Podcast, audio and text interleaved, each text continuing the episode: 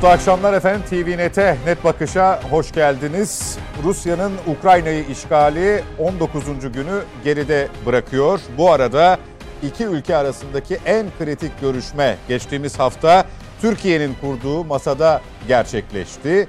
Ee, bugün de dördüncü müzakere vardı. Bu müzakerelerden yani daha öncekilerden herhangi bir sonuç çıkmadı. Bugünkü de benzer nitelikteydi. Diplomasi çabası sürerken sahada durum ne?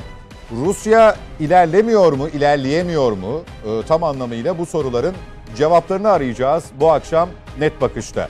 Her hafta olduğu gibi Mete Yarar ve Nedim Şener daimi konuklarımız, güvenlik politikaları uzmanı ve Hürriyet gazetesi yazarı. Mete Bey hoş geldiniz. Merhaba.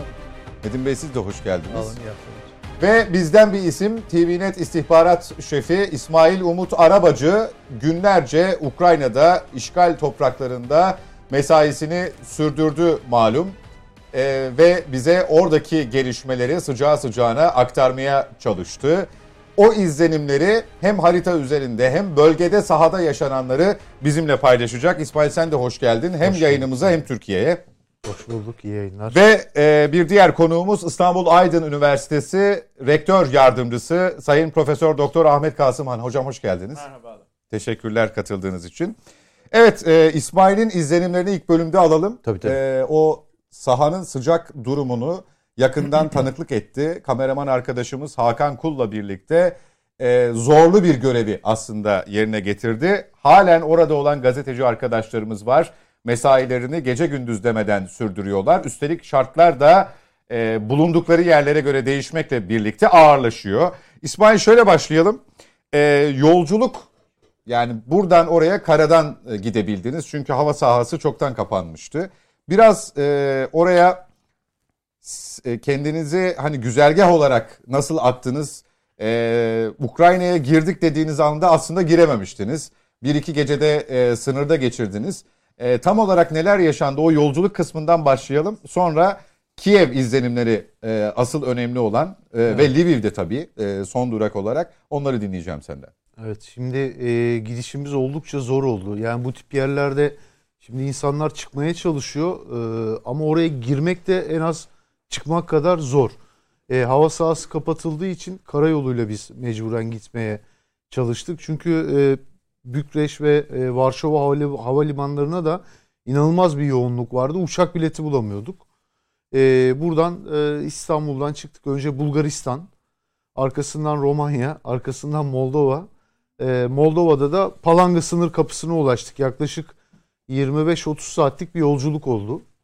Palanga sınır kapısına akşam 11.30 gibi falan e, geldiğimizde karşıya geçmeye çalıştık hemen e, yani Ukrayna tarafına bir an önce. 11.30 derken bu arada 20 gece, küsür saatlik 26 küsür saatlik değil, 26 saatlik Yaklaşık bir yolculuk. 30 saatlik Siz bir kendi arabanızla mı geçtiniz karşıya da? Yok yani şöyle e, Romanya'ya kadar e, otobüsle gittik. E, Romanya'dan sonra taksi e, ve kiralık araç e, Moldova sınır kapısına kadar ulaştık.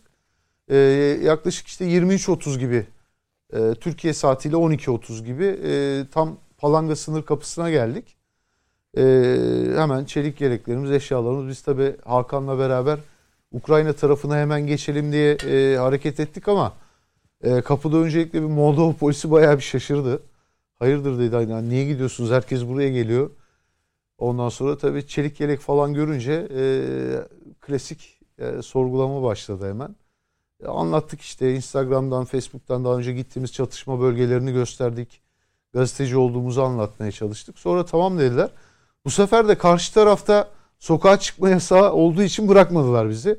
Hani geçerseniz ne gidebileceğiniz bir yer var ne de oturup içeride hani sığınabileceğiniz bir yer var. Bu tarafta kalın dediler.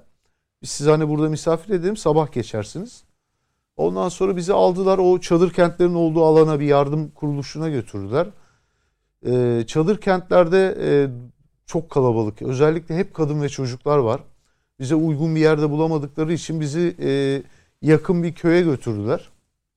E bayağı ee, ilgilenmişler size yani. Evet evet. Ee, yani Moldovalılar çok ilginç. Ee, ben hani hiç bu kadar beklemezdim.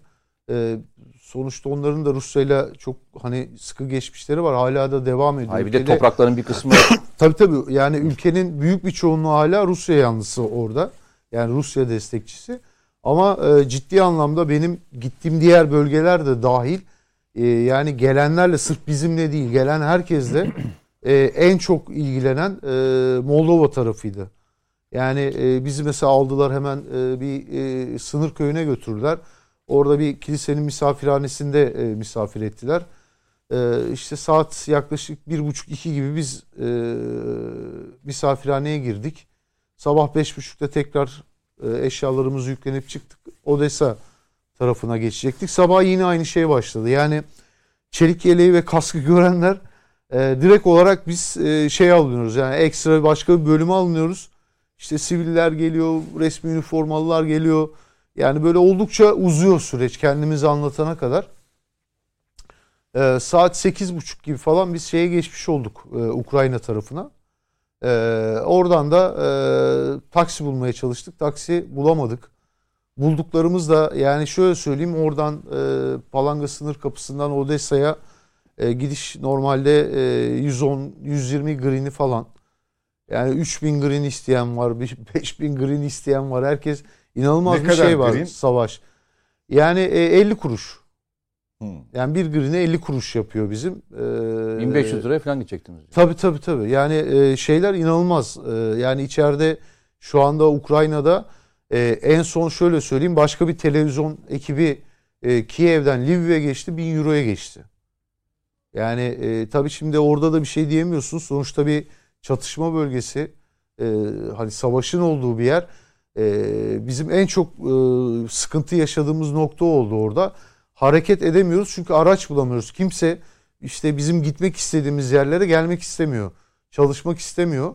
E, gelenler de ciddi anlamda çok yüksek ücretlere geliyor. Yani e, işte böyle günlük e, 200 eurolar, 500 eurolar gibi rakamlarla e, anca ulaşım sağlayabiliyorsunuz. Şehir içinde de ben e, Uber diye, Uber'den baktım. Yani gideceğimiz noktaya e, 36 e, 2 kilo 2.7 kilometre 36 green'i veriyor Uber. Ama e, siz 400 e, green alıyorlar. 500 green alıyorlar. Eğer bekletirsen orada rakam direkt ikiye katlanıyor. E, mesela gittik 10 dakika çekim yaptık geri geldik. E, 400 green'i 1000 green'i olarak ödüyorsunuz tekrar. E, ona da ekstra bir fark koyuyor. E, tabii e, şey büyük sıkıntı yani e, özellikle e, Odessa hattında akşamları çok büyük sıkıntı var. Sürekli silah sesi geliyor. Hava kararmaya başladığı anda e, sokak çatışmaları başlıyor orada. Yani e, Rus ayrılıkçılar dediğimiz o sabotajcılar ya da yeni isimleriyle sabotajcı denen gruplar işte el yapım patlayıcılarla, e, silahlarla asker ve polis noktalarına saldırı düzenliyorlar. Ve bu her akşam oluyor. Bir gözaltı işleminiz oldu İsmail. O, İlk- o galiba resmi üniformalı polis ya da İşte- asker değildi bunlar. İşte e, şöyle e, oraya geleyim bu çatışmalar e, polisin, askerin ya da sokakta milis dediğimiz silah dağıtılmış vatandaşların gözünde ya herkes e, şey yani Potansiyel- kim olduğunuzun yüzünüzün tipinizin hiçbir önemi yok. E, mesela telefon e, cep telefonu şu anda özellikle Odessa e, merkezi söyleyeyim inanılmaz büyük bir sıkıntı. Yani elinizde telefon sokakta yürümeniz ya direkt hani e, gözaltına alınma sebebi ya da vurulma sebebi. Yani e, hani e, ayrılıkçı bilgi mi gönderiyor, fotoğraf mı çekiyor?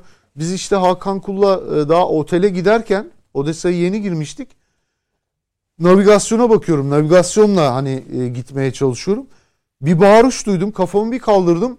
Kafamda bir tane Kalaşnikov dayanmış. Telefonumu aldı elimden fırlattı. Yere yatırdı bizi. Ondan sonra çantalara falan baktılar. Çelik yeleği, kaskı falan görünce zaten hemen Paketlendiniz. e, direkt e, resmi üniformalı polisler aldı. Karakola götürüldük.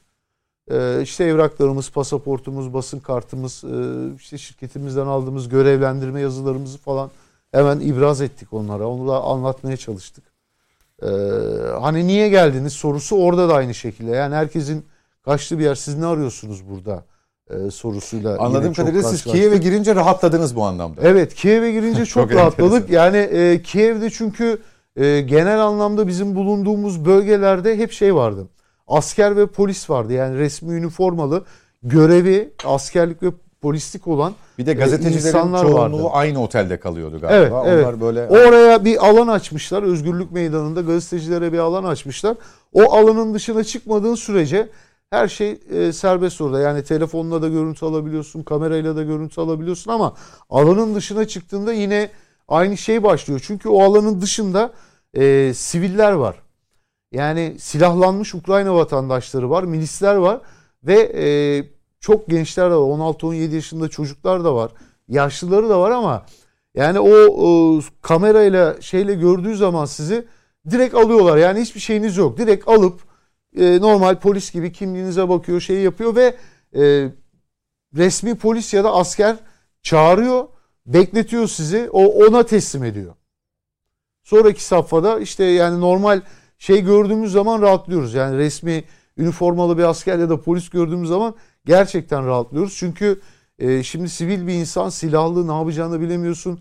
Ne kadar tedirgin ettik onu bilemiyorsun. Ya da bir gece önce adam çatıştı mı, neler yaşadı, arkadaşını mı kaybetti bilemiyorsun. Yani o anki psikolojik durumunu anlamak da zor. Ama e, şöyle bir şey söyleyeyim.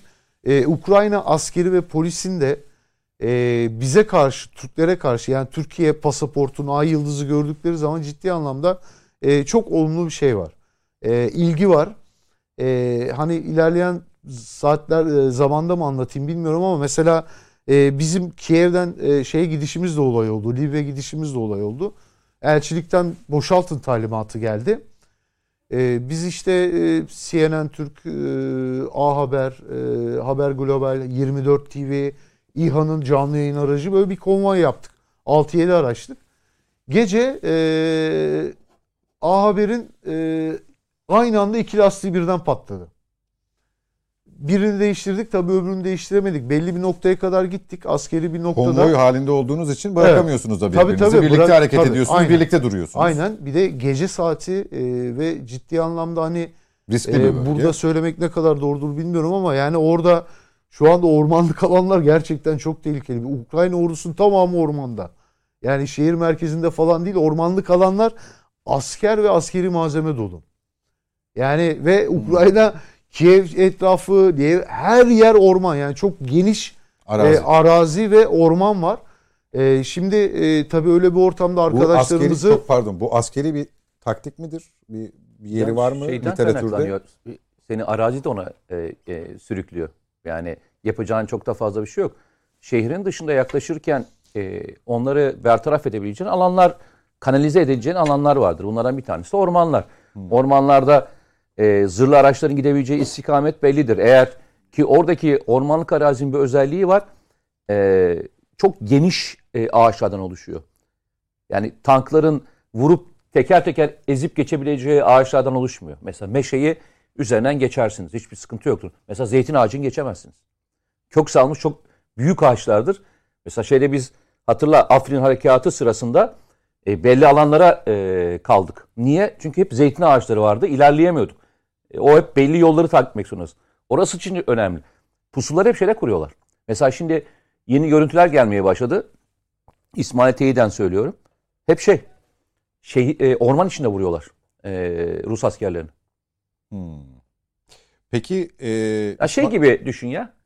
Yeni Vietnam gibi düşün. Anladım. İsmail'in anlattığı bu e, daha önce de karşılaştığımız bir şey değil aslında. Şehir içinde de yani başkentte Kiev'de de görev yaptığı e, yaptıkları alanın basının belirlenmesi, o alanın dışına çıkılmasına izin verilmemesi ya da çıkıldığında bile oradaki sivillerle, milislerle karşılaşılacak olması riskin boyutunu ortaya koyuyor ama bu da e, hani o direniş diye biz ilk iki hafta konuştuk ya yayınlarımızda. E, bu da şekil olarak çok daha önce karşılaştığımız bir şey değil sanki. Yo aslında mesela e, bu tür e, alanlarda mesela biz şeyi çok fazla bilmiyoruz. E, son dönemde ne zaman konvansiyonel savaş yaşandı dünyada? Neredeyse Hatırlamıyoruz bile. ilk defa. Orada şöyle bir Yani hep iç savaşı gördük ben. biz. Bizim çıkmamıza o alan dışında e, izin veriyorlar ama e, hani e, oradaki kadar rahat olamıyorsunuz. Sokakta ilerlediğinizde e, herkes sizi durdurup şey yapabiliyor kamera gördüğünde. Kimlik sorgusu yapıyor. Özellikle e, Ya bir de şey istemiyorlar. sokak aralarında sivil vatandaşlar daha çok. Şunu Şimdi yapabilir. şunu, şunu bilme şansın yok. Her gelen basın görevlisinin gerçekten basın görevlisi olduğunu bilme şansı yok. Yani ilk Kiev'in. Yani böyle bir şansı yok. Şunu da Oradaki herhangi bir görüntüyü çok rahatla verebilirler Şunu- yani. Şunu da fark ettik. İsmail'le biz iletişimimizde e, buradan yazılar çıkarttık. E, Büyükelçilikten işte en son Ukrayna makamlarından akreditasyon kartı aldık. Çok bir şey ifade etmiyor. Kart geldikten sonra çok Değişti mi değişti. işler? En yani azından o kartı e, gösterdiğimiz anda aracımızın kapısını bile açmadılar. Hiç arama yapmadılar bizi. Genelkurmay Başkanlığı'nın e, bir akredite kartı geldi. E, o kart geldikten sonra mesela yolda gidiyoruz. Pasaportla birlikte e, gösterdiğimiz anda arabamızın kapısını dahi açmadılar. Buyurun dediler ve e, şey e, çok rahat ettik. Yani biraz geç geldi o kart. E, çünkü şeyi vurmuşlar. Orada Savunma Bakanlığı binası vurulduğu için e, akreditasyon de işlemlerinde de istihbarat merkezinde anlamda. vurdular. İkisini Evet. de boşalttılar. İçi onlar. Evet. Şeyi soracağım sana. Yani e, şeyi sormuşsun. Belki sordunuz mu bilmiyorum ama en azından konuşuluyordur muhtemelen. E, Ukrayna çok geniş savunma e, sanayisi olan bir e, ülke ve birçok üretimi de yapa- yapabilen imkan kabiliyetine sahip bir ülke. Nereye doğru taşımışlar? Bir hiç izlenim oldu mu? Yani nokta olarak söylemek zorunda değilsin. Boşaltmışlar mı hepsini bütün şeyleri? Çoğunu Savun- boşaltmışlar. Boşaltmışlar yani mı? e, özellikle e, ağır e, silahlar diyebileceğimiz üretim hatlarının e, zaten kendileri e, önemli parçalarını söküp çalışmaz hale getirmişler. Yani şu an Rusya orayı alsa da kullanılma, kullanılamayacak durumda olduğunu söyleyebilirim. Yani önemli e, sistemin ana parçalarının sökülüp götürüldüğünü e, biliyorum. Anladım. Yani Peki. hiçbir şekilde oraya Rus askeri girse de ya da kim girerse girsin o parçaların yenilerini temin etmeden e, o e, fabrikayı ya da o e, paneli çalıştırma imkanı yok şu Bugün anda. seninle konuşurken de e, harita üzerinden bir baktığımızda şeyi konuşmuştuk. E, hani Kiev'e neden girilmiyor? 64 kilometre hikayesi konuşulduğunda Evet. sen de e, konuştuğumuzda benim de yaklaşık bir haftadan beri tezim o. Yani geçmişteki harekatın birebir aynısını yapmaya çalışıyor Ruslar. Yani e, Almanların Ruslara yaptığı Kiev'deki operasyonun birebir aynısını yapıyorlar. Kiev'i kuşatmadan Kiev'i almak mümkün değil. Yani her gün içeriye malzeme giren bir e, ülkede bu kadar büyük bir başkent alamazsınız. Yani direnç her zaman olacaktır. Kuşatmaları Yani gerekiyor. Senin de e, izleminin Benim de izlemim Bu- bu şekilde mi? Girmiyor yani girmiyor yani ilginç bir şekilde girmiyor. Çünkü bizim mesela e, Serhat İbrahimoğlu da hatırlar. Bu füzelerin vurdu hani e, dumanların çıktığı yerde çekim evet, yaptığımız görüntülerde var onu getirsin e, arkadaşlar. o dumanların yükseldiği alanda şu anda Rus askerleri var. görüntünün başı evet. Ve hani yani bu görüntünün başı arkadaşlar. Arabayla bizim kaldığımız Özgürlük Meydanı'na yaklaşık işte e, 23-24 dakikada gidebileceğiniz bir yer. Çünkü biz o sürede gittik oraya. Yani ve e, hani e, birçok yol alternatif var oradan. Hani e, tank götüreceksen bile tek bir yoldan götürmek zorunda değilsin. Şu görüntü değil mi? Evet, yani bu alanı mesela şunun hemen karşısı şu anda oralarda şu anda bu bölgede Rus askeri var. Çaki diye bir bölge bu e, İprin'in e, İprin hattında. Yani çok en sınırı. çok bu şeyin de öldürüldüğü yer değil mi? E, e, Amerikalı gazete. Amerikalı gazetecinin öldürüldüğü yer değil mi? Bir önü. Bir Ee, önü. Amerikalı gazeteci İprin Köprüsü'nü geçiyor. Ee, İprin şehir merkezine gitmeye çalışırken keskin nişancılar tarafından vuruldu. Yani oranın zaten Ruslar tarafından e, daha biz oradayken e, girmişlerdi Rus askerleri oraya. E, orada e, İsmail burada e, unutma sözünü. Burada e, bo- ye- yani sıcak bir görüntü oldu. Yani Evet. yeni bir 5-10 dakika önce olmuş. Tabii yani gitmeden? şöyle biz burada İprin'e girmeye çalışıyorduk. Ee, biraz geç çıkabildik işte araç konusu sıkıntı olduğu için. Ee, biz tam İprin e, kavşağına geldiğimizde e, o vurulan köprüye dönüş için yaklaşık işte bir kilometrelik mesafedeyken tahliyeler var denip yollar kapatılıyor. Otobüsler diziliyor yola. Başka hiçbir araç almıyorlar. Biz orada beklerken patlama sesleri geldi ve duman. Dumanlar yüksel. Ya genelde bizim orada e, şeyimiz o. Yani patlama sesi ardından hemen çevreye bakıyoruz. Dumanların yükseldiği alana doğru hemen ilerliyoruz. Yani e, vurulduğunu öyle e, anlıyoruz. insanların kaçtığı yere siz girmeye çalışıyorsunuz. Aynen öyle. Yani e, dumanın olduğu hatta doğru ilerliyoruz direktman. Burayı da öyle bulduk biz. Yani e, İprin'e e, girişi beklerken otobüsleri dizmişlerdi yine. E, patlama sesleri geldi. Bir baktık siyah dumanlar yükseliyor. Hemen oraya doğru hareket ettik ve bu görüntüleri kaydettik Peki, orada da. Devam edeceğiz. Ee, şimdi söylediğin bu sona doğru söylediğin kısım girmiyor. e, giremiyor, girmiyor. Yani Şimdi giremiyor oradan hocama bir soru yönelteceğim. E, değerli hocam tekrar hoş geldiniz. Merhaba. E, biz 10 gündür şu kadar kilometre kaldı, bu kadar yaklaşıldı. Kiev artık işte girilmesi an meselesi, girildikten sonra da düşmesi an meselesi gibi artık haberlerimize peşin peşin önden veriyorduk. Ama e, bugün dahi tablonun öyle olmadığını anlıyoruz. E, ben girişte e, ilerleyemiyor mu, ilerlemiyor mu, girmiyor mu, giremiyor mu şeklinde ifade etmeye çalışmıştım. E, içeride İsmail'in izlenimlerinden haberlerde de aktar, aktardığımız gibi direniş devam ediyor. Bir sokak çatışması dahil, milis güç, asker, Rus askeri karşılaşması dahil her türlü hazırlık tamamlanmış durumda. Fakat Rusya tam olarak ne yapmaya çalışıyor? Bir yandan diplomasi masasını ayakta tutuyor, oradaki müzakerelere katılıyor. Sonuç alınamıyor ama sahada da o hızı kesildi, ilerleyemiyor. Diğer yandan Kiev bu kuşatmaya daha ne kadar dayanacak size göre? Ya burada biraz Rusların niyetinin ne olduğu üzerine konuşmak lazım ki biraz e, demin onu yaptığınız e, önemli bir ölçüde. Ben e, Rusya'nın başını e, bir Kiev sokak savaşıyla e, belaya sokmak istediğini düşünmüyorum. Birkaç nedeni e, olabilir bunun. E, bir tanesi çok açık. Yani Kiev'den içeriye girdiğiniz zaman sivillerin de içerisinde yer aldığı bir topyekün direnişle karşılaştığınız zaman ortaya maalesef çok çirkin manzaralar çıkar. Yani sadece verdiğiniz kayıp da değil. İçeride gazeteciler var. Bunların ellerinde e, işte kameralar var. Allah'ın her kulun elinde bir cep telefonu var. Bunlar gene e, görüntü alıyorlar. Ruslar zaten şu anda haydutluk yapıyorlar. Yani hiç ben sağını solunu kesmeyeceğim bu işi. Eğip bükmeden diyorsunuz. Yok haydutluk yapıyorlar. O haydutluğun artık haramiliğe girdiği safha olacak. İçeri girdiklerinde. Çünkü sivil kayıpları olacak. Ee, bütün bir propaganda makinesi hani burada ben Rusların neresinde işin haklı olduklarını görmekte oldukça güçlük çekiyorum ama hadi deyin ki e, işte bir- biraz ne bileyim ben adaletin terazisini de e, yerinden oynatalım hafifçe. E işte Rusların da haklı olduğu bir şey olsun.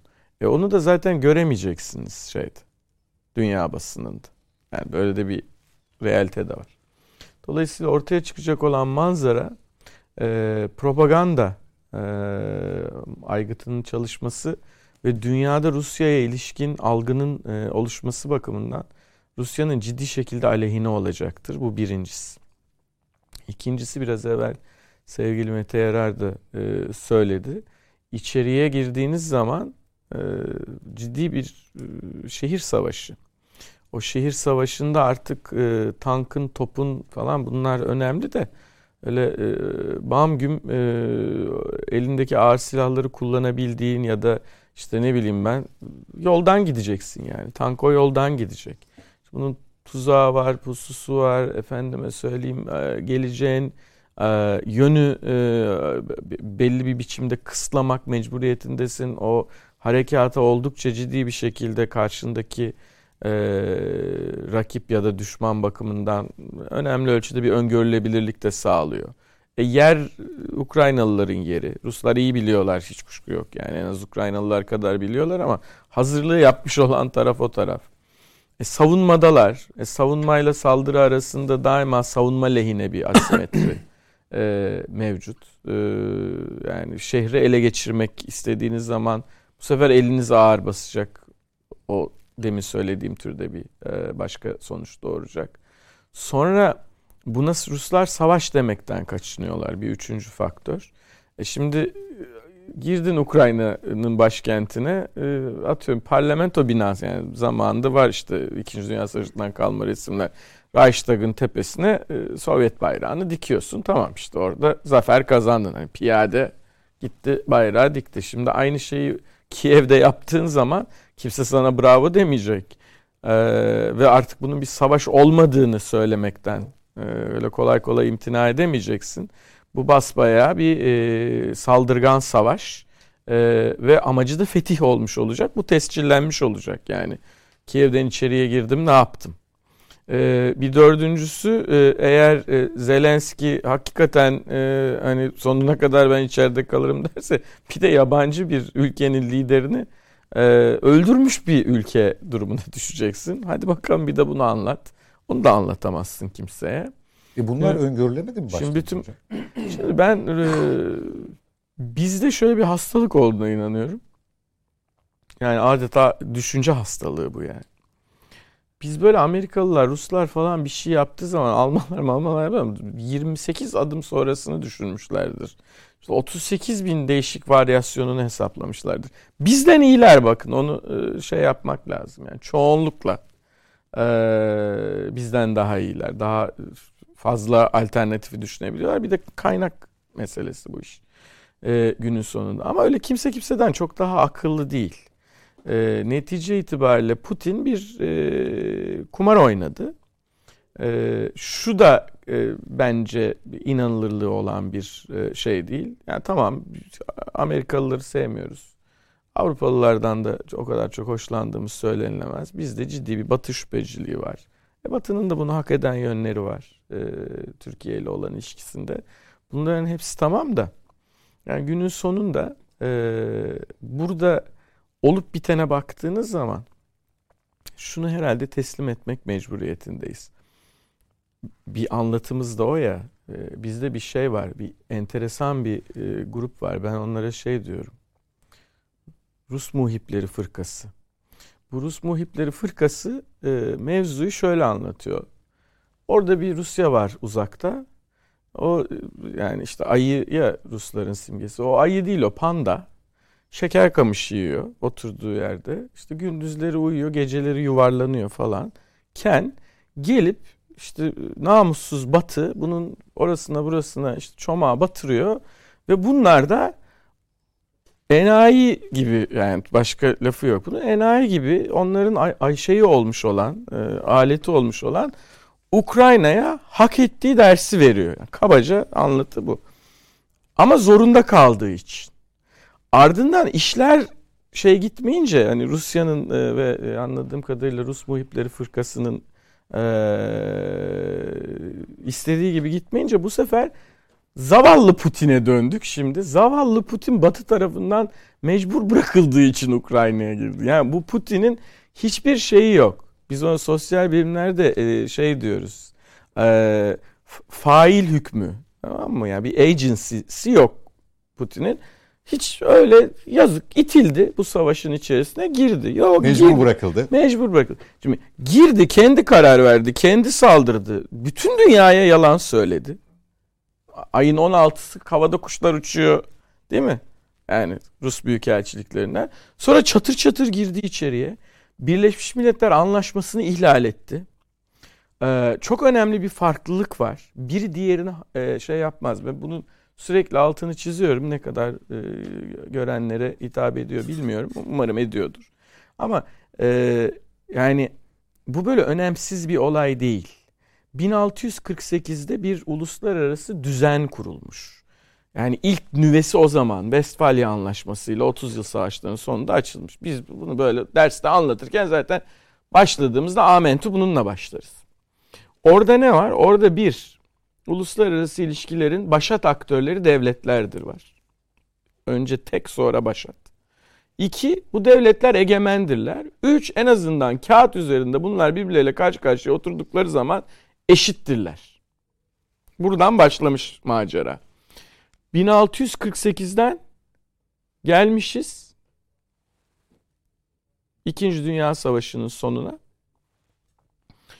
Bu zaman zarfı içerisinde bu sistem gelişmiş, evrilmiş, uluslararası hukukun mü- müktesebatı ortaya çıkmış falan filan. Sonra iki tane e, Dünya Savaşı'nda birbirimizi boğazlayınca insanlık olarak ve bunu böyle çok dehşetli bir biçimde yapınca işte modernizmin hülyası patlamış vesaire vesaire ama Birleşmiş Milletler Anlaşması'nı yazmışız. Oraya bir şey daha eklemişler. O şahika zaten.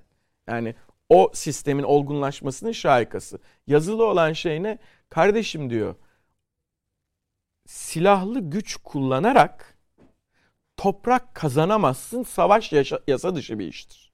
Meşru müdafaa haricinde. Büyük Atatürk'ün lafını oraya hukuk kodu olarak geçirmişler. Tamam mı? Hukuk kodu yani. Mecbur, yani milletin e, bekası için şart olmadığı müddetçe savaş cinayettir lafını oraya geçirmişler. Diyor ki savaş yasa dışı bir iştir. Şimdi bunu yapan bir Rusya var. Ve bunu bir e, fetih savaşı olarak yapıyor. Ama bunun biz fetih savaşı olduğunu kabul etse bu sefer neyin karşısında olduğunu bilecek kadar derin bir entelektüel birikime ve e, dünya e, politikası deneyimine sahip bir ülkeden bahsediyoruz. Böyle bir ülkenin Ukrayna'nın başkentini almanın ne manaya geldiğini bilmemesine imkan yok. Evet zorlanıyorlardır, evet öyle, evet böyle ama meseleye şu tarafından da bakmamak lazım. Yani Ukraynalılar işte şanlı bir direniş sergiliyorlar ve Ruslar da derslerini alıyor. Öyle bir şey de yok. Ukrayna askerleri Rusya topraklarında değil. Rus askerleri Ukrayna topraklarında ve aldıkları alanı da milim milim olsun genişletiyorlar yani. Sonunda bu o bir zafer midir? İşte zaferin tanımı nedir böyle bir durumda? Bugünün çatışmaları biraz evvel Mete de söyledi o sırada onu düşündüm yani.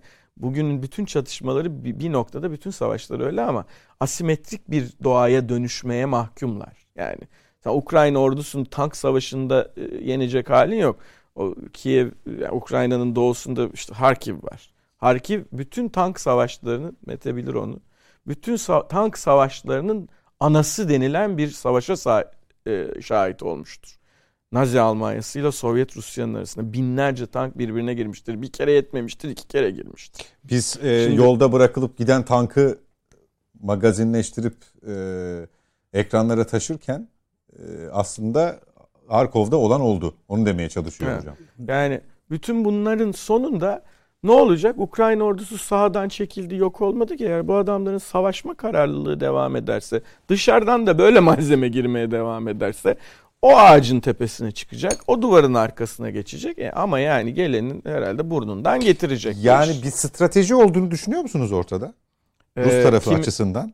Ruslar bakımından bir strateji var. Kötü gidiyor, mütü gidiyor ama var. Yani bir, bir birincisi şeyi yapmamaya çalışıyorlar. Bu demin, strateji değişti bile. Bu, ha, Değiştiğini bu, bile söyleyebilir. Evet, bu demin yani bütün stratejiyle ilgili de, yani strateji, strateji de strateji değil diyorsunuz. Hayır, strate, strateji büyülü bir kavram gibi geliyor insanlara ama strateji yani sahanın durumuna göre strateji, daha dinamikleşebiliyor. Strateji öyle bir şey değil. Stratejiyle ilgili edilmiş bilgece laflardan bir tanesi şudur. En iyi strateji savaşın sıcağına ilk 10 dakika dayanır. Zaten 15. dakika dayanıyorsa yani naçizane ben e, doktora tezini strateji ve stratejik düşünce üzerine yazmış bir, bir insanım. Senelerce, 25 senede. O strateji Ders, değil midir o zaman? Strate, yok, strateji stratejidir gene. Hayır hayır 15. dakikaya sarkıyorsa strateji... Hayır 15. dakikaya... Şimdi, Başarıyorsan müthiş bir şey ya, diyor. Hayır müthiş bir şey de değil bak. Ben onu öyle öğretmedim e, bizim e, şeye, bizim silahlı kuvvetlere bunu anlatırken. Hep şunu söylerim. Yani 15. dakika o strateji hala işliyorsa bir yerde bir ciddi kazık yiyorsun demektir. Yani ha, evet. bir şeyler ters gidiyordur sen farkında değilsin. Ya da ha, işin sonunda herkes seni ayakta alkışlayacaklar. Yani ya işte ya e, Moskova önlerine gelene kadar ki Bonaparte'sın ya e, Kurtuluş Savaşı'ndaki Atatürk'sün falan böyle bir acayip bir durumun var. Ha şimdi dehaysan eyvallah yürü deha olduğuna gerçekten inanmıyorsan ve bu teyitli değilse kesin bir şey ters gidiyordur. Onun için strateji dediğiniz şey adaptif bir süreçtir. Ruslar da bir şeylere adapte olmaya çalışıyorlar ve fakat tabi başarıya adapte olmak daha kolay, başarısızlığa adapte olmak daha zor. Ruslar bu işin hızla İskambil kağıtları gibi dökülebileceğini düşündüler. Batı'nın da fazla bir şey yapamayacağını öngördü anlaşılan Putin. Ve bugün şu anda var olan durumun adı yer misin yemez misin? Yani e, adeta e, hani bugünlerde artık böyle şeylere Allah'a şükür rastlamıyoruz. Eğitimde bunlar ortadan kalktı ama e, işte biz aşağı yukarı buradakiler e, kıymetli dostumuz hariç, siz de hariç aşağı yukarı aynı yaşlarda bir üçlüyüz. Yani biz ortaokul, liseyi okurken avluda meydan dayağı diye bir şey vardı. Yani e, böyle çok yukarıki sınıflarla didişirsen fena bir sopa yerdin. E şimdi yer misin yemez misine dönüştü işin yaptırım tarafı. E dolayısıyla buradan bir şey çıkarmaya çalışıyor Putin. Ha burada yapılacak olan şey hani uzun lafın kısası umarım bütün sorduklarınıza cevap verebildim fazlaca dağıtmadan evvel geniş bir konu. Ama burada yapılacak olanın sonucu şu. Bir kere Ukrayna'yı bu acıdan kurtaracaksın. Bunu yapmak için Vladimir Putin'e dönüp kardeş yani bak geçen sefer Kırım'da seçim yaptığını yaptın oradan seçimi aldın. 2024'te bir daha seçim geliyor diye bu işe de giriştin muhtemelen kafanın bir yerinde bu da vardı. Olmadı deyip hadi şimdi kuyruğunu e, sıkıştır Kıstır. ve git diyemezsiniz yani. 6200 tane nükleer bombası olan adama o söylenmez. Putin'e hiç söylenmez. Yani kimi astrologlar şeylerde e, ne derler ona e, sosyal medyada şey anlatıyorlar işte bu adamın haritasını görseniz e, ilişmezsiniz falan diyorlar. Haritasını bilmem ben ama yani adamın bugüne kadarki siyasetini gördüysen ilişirken dikkat edeceksin. Zaten bunu da biz 2500 yıllık bilgelikten biliyoruz. Eğer kediyi köşeye sıkıştırırsan tırmalar. Dolayısıyla bugün yapılacak en iyi şey Putin'e bir şerefli çıkış ve bir şeyler vermek. Yani bundan hiç bu arada hoşnut olmadığımı söyleyeyim. Bir, çünkü önemli bir fark var onun da altını çizeceğim. Ee, ama bir şey vermek zorundasınız. Donbas'ı vereceksiniz bir kere. Kırım'ı unutacaksınız yani o artık orası yok. Muhtemelen Azak Denizi'nin e, sahilinde bundan sonra Rusların tatil yeri veya işte askeri koridoru artık nereden eserse e, Vladimir Bey'e e, o tayin edeceksin. Kalanını kurtarabiliyorsan süper. Ha, o da gidecek içeride bunu nasıl anlayacağım? Ben olsam anlattırmam yani. Rus muhalefetini tabii zehirliyor bu. Ee, şey değil yani şakası yok Vladimir Putin'in. Ee, ama yani birileri anlatır belki Rusya'da. Bu başarı değildir, başarıdır işte. Bu harekattan aslında... önceki konuşmayı gölgeleyecek tabii yani, her halükarda. Ama yani en azından yürüdü gitti falan. İşte Ukrayna'da tekrar seçim yapılacak. O seçimleri tekrar Zelenski kazanır tahmin ediyorum. Ama yani işte Ukraynalılar gittiler sandığa söyleyeceklerini söylediler. Biz de ne yapalım canım biz de Donbas'ı aldık falan diyecek. Yani kesin bir çıkış yolu sunmak zorunda e, dünya e, Putin'e. Bir şeyin daha altını çizip bırakayım lafı. E, uzattım da. Ama şunun bakın çok net bir biçimde farkında olmak lazım. Bu gün işlenen bu günahların müsebbibi Amerika Birleşik Devletleri'dir. Burada hiç şüphe yok. Nasıl girmeyeceğim uzun laf. O bir sonra, soru, o benim ha, bir sorum zaten. Sonra hocam. sorarsın. Ama Amerika Birleşik Devletleri'dir. Fakat şöyle bir şey var. Amerika Birleşik Devletleri en azından girip tarumar ettiği yerleri ABD'nin 51. 52. 53. 54. eyaleti resmen yapacağım diye ortaya çıkmadığı için uluslararası düzenden ve hukuktan bir biçim bahsedebilir durumdayız. Bütün yaptıklarına rağmen. Bu çok farklı bir şey. Buna eğer dünya izin verirse bundan sonraki manzarayı söyleyeyim size çok kısa. Bir, ülkende seçimlerin sonuçlarını mı beğenmedim? %70'in üstünde oy aldığın halde mi beğenmedim? Beğenmeyebilirim. Ve beğenmezsem bununla ilgili bir şey yapabilirim. İki, toprak bütünlüğü garantisi diye bir şey var. Arada birileri çıktı bağımsız bir bölge mi ilan ettiler? Ben onları beğendim mi? Ki beğenebilirim. Tamam bağımsız olma şansları var derim. Sonra döner derim ki ya senin ülkenin var olma hakkı yok. Neden? Tarihte şu noktaya gittiğimiz zaman bak o zaman bizimkiler şehir kurmuşken sizinkiler otlakta Mera'da koyun otlatıyorlardı. Dolayısıyla o bir devlet sayılmaz. Tamam mı? Onu da mı beğenmedim? O da mı işlemedi? O zaman derim ki bir dakika ya. Yani biz size toprak bütünlüğü garantisi verirken bu bölgeninkini vermemiştik ki. Şu şu şu koşullarda bunu vermiştik. Bu neye döndürür bizi biliyor musunuz? 200 sene öncesine döndürür. Ve bunun lamı cimi yok. Fetih savaşları başlar dünyada. Onun altından kalkacak noktada değiliz. Tabii ikinci bir şey daha başlar herkes dişinden tırnağına nükleer silah sahibi olmaya başlar. Öyle bir dünyada yaşamak istemezsiniz. Peki. Bu iyi bir özet oldu son cümle. Ee, Nedim Şener tam olarak e, bir Batı-Rusya savaşı Ukrayna üzerinden göremiyoruz aslında. Yani e, işte Zelenski'nin açıklamalarına bakıyoruz. Orada da bir e, yarı pragmatik bir tavır var. E, Putin işte kararlılığını devam ettiriyor gibi görünüyor ama işte şartlarını sıralamaya sürdürüyor. Sahada durum yavaşladı. Ee, bunun yavaşlamasının sebepleri bir taktik strateji olabileceği gibi biraz çaresizlik de olabilir. Ee, seçenekler çoğaldı. Yani ilk iki günkü tablo yok ortada. bugünden geriye baktığımızda ne Putin'in e, işgal hareketi başlatmadan önceki açıklamalarının içi tam anlamıyla dolabiliyor. Ne de bugün sahadan yansıyanlar Rusya'yı bu işin muzafferi ilan edecek derecede ihtimal dahilinde ya da kuvvetli. Batı da e, yani biraz Amerika Birleşik Devletleri Avrupa gibi ayırmak durumunda kalıyoruz. NATO'nun e, durumundan dolayı belki biraz daha. Sen nasıl okuyorsun, nasıl görüyorsun bugün? E, 19. günden geriye doğru baktığında Rusya'nın Ukrayna'yı işgalini. Valla e, hani Batı ve Rusya çatışması değilmiş gibi diye bir cümle kurdunuz. Ben bense bu aradan geçen süre içinde bunun çok daha belirginleştiğini e, yorumluyorum. Öyle düşünüyorum. Çünkü e, bugüne kadar savaşta e, araç olarak savaşlarda araç olarak kullanılmasına çok alışmadığımız yaptırım ve ekonomi silahı etkili bir şekilde kullanıldı. Öyle ki e, Amerika hocam çok güzel bir analiz yaptı. Çok böyle dingin, sakin, tam kendinden beklenen e, entelektüel birikimiyle ve tecrübesiyle bir analiz yaptı. E, e, ama burada Amerika Birleşik Devletleri'nin de rolünü hani söyledi.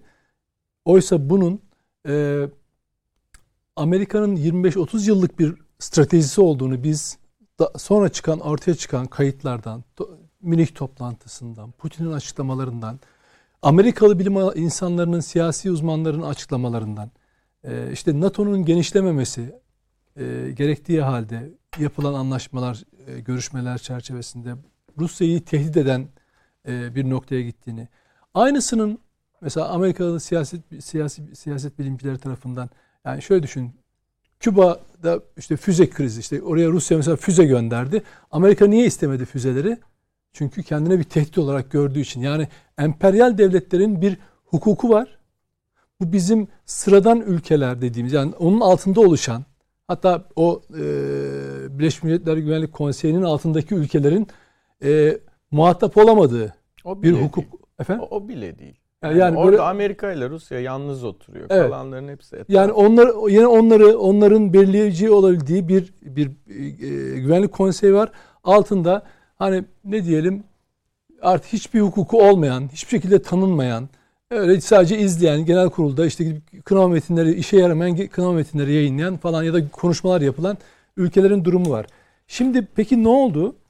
Ee, özellikle e, mesela şeyi Amerikan Başkanı Trump'ın bir önceki Başkan Trump'ın e, NATO'ya karşı tutumu Amerika'nın e, e, Orta Doğu'da veya diğer yurt dışındaki varlığına ilişkin e, tutumuyla Biden yönetiminin tutumu arasındaki farkları değerlendirelim. E, Trump genelde içeride ekonomik büyümeyi e, öncelleyen e, ve Amerika'yı büyük Amerika tekrar büyük Amerika yapmak isteyen işte o kendi şeyiyle üretim kapasitesiyle oraya döndürmek isteyen bir e, e, siyasi tercihi varken Biden gelir gelmez Ocak'ta oturdu. Şubat'ta işte NATO Amerika geri geliyor. NATO ortaklarıyla beraber geri geliyor. Artık geçmişte e, geçmiş yok. Geleceğe beraber bakıyoruz falan dedi. Dünya biz de dalga geçtik ya Amerika nereye geri geliyor? Afganistan'dan çıktı adam. E, efendim biz geri geliyor masalları diyor. O dedik ki en fazla işte Suriye'ye mi tekrar askeri yığınağını arttıracak? E, orada da çok fazla etkinliği yok. Ne yapıyor bu adam? E, yavaş yavaş e, Rusya'yı Rusya'nın e, dibine kadar sokulacak Ukrayna'yı olabildiği kadar e, ne, ne diyelim kendi savaşını araçsallaştıracak bir politika izledi. Sonunda ne bakın çatışmanın başladığı ilk günlerde Avrupa Birliği'nin tutumuna bakın, Amerika'nın tutuma, tutumuna bakın. Amerika ilk günlerde neyle eleştirildi? Hatta Zelenski tarafından da yalnız bırakıldık. Amerika bizi bıraktı falan, Batı bıraktı ve Avrupa Birliği gibi Rusya ile ekonomik ilişkilerinden ya da var olan ilişkilerinden kazançlı çıkan işte enerjisini aldığı bir yerden, yani doğal gaz gibi ihtiyacını, petrolünü karşıladığı bir yerden çatışmak niyetinde değil, yaptırımlara katılmak niyetinde değil ama öyle bir uluslararası baskı oluştu ki ilk anda Putin'in operasyonu işgali sonrasında onlar da Amerika'nın yanına hizalandılar. Bu sefer Avrupa Birliği'nin hiçbir hükmü kalmadı. Tamamen Amerikan stratejisi hakikaten başarılı oldu ve Amerika tam Biden'ın 2020'nin ocağında söylediği gibi geri geldi. Nereye geldi? Rusya'nın dibine kadar geldi. Şimdi burada var olan çatışma tam da Amerika ile Rusya'nın çatışması aslında. Hani çok klasik bir laf var. Yani filler tepişir, çimenler ezilir hikayesinde Ukrayna'nın düştüğü durum aslında o. Şimdi hocamın çizdiği tablo çok vahim. Yani e, Donbas bölgesinden tutun A, A, e, Azak Denizi'ne kadar o hattı kesildiğini, e, Ukrayna'nın denizle irtibatının kapandığı bir Ukrayna'yı Zelenski nasıl bir zafer diye e, ilan edecek ileride halkına ve nasıl seçim kazanacak ve bunu nasıl kabul edecek? Kırım'ı kaybetmiş, tamamen kaybetmiş olacak. Dolayısıyla bu tamamen Amerika'nın e, şeyle Rusya ile kapışması e, ve Avrupa Birliği'nde içine alması demek. Aslında bakarsanız aşağıdan da tekrar bunun e, iler nihai ileriki hedefi Rusya'yı tehdit edip Rusya'yı güçsüzleştirmek, istikrarsızleştirmek. Yani büyük güçler böyle çalışıyorlar ve devamı Çin. Mesela bugün güven, e, Amerikan Ulusal Güvenlik e, Danışmanı eğer ne diyor? Eğer Rusya e, Çin pardon Çin Rusya'ya yaptırımlar konusunda yardımcı olursa onu da hedef alırız diyor. Yani artık ekonomik yaptırımlar Batı'nın sahip olduğu Rusya'nın da Çin'in de dahil olduğu o kapitalist sistemin e, birer e, ne diyelim e, o sistemi savaşta argüman araç olarak kullanıyorlar. Ve bugün herkesi köşeye sıkıştırabileceklerini görüyorlar. Öyle ki e, Amerikalı yetkililer gitgide şu, şunu söylemeye başladılar. Rusya'ya uyguladığımız boykotu ya da yaptırımları delen herhangi bir ülkede artık hedefimizdir. Bu ne demek? Bu Türkiye demek aynı zamanda. Sadece Çin değil. Çin yani süper güçlerden sayılıyor. Kendince belli bir e, ekonomik büyüklüğü var. Ama Türkiye mesela işin içinde. Niye? Çünkü yaptırım kararlarına uymuyor. Dolayısıyla bu çatışmanın yani Batı ve Rusya diyelim. Doğu demeyelim de yani Batı ve Rusya arasındaki çatışmanın çok büyük etkileri olacak ve dünya en kötüsü şu.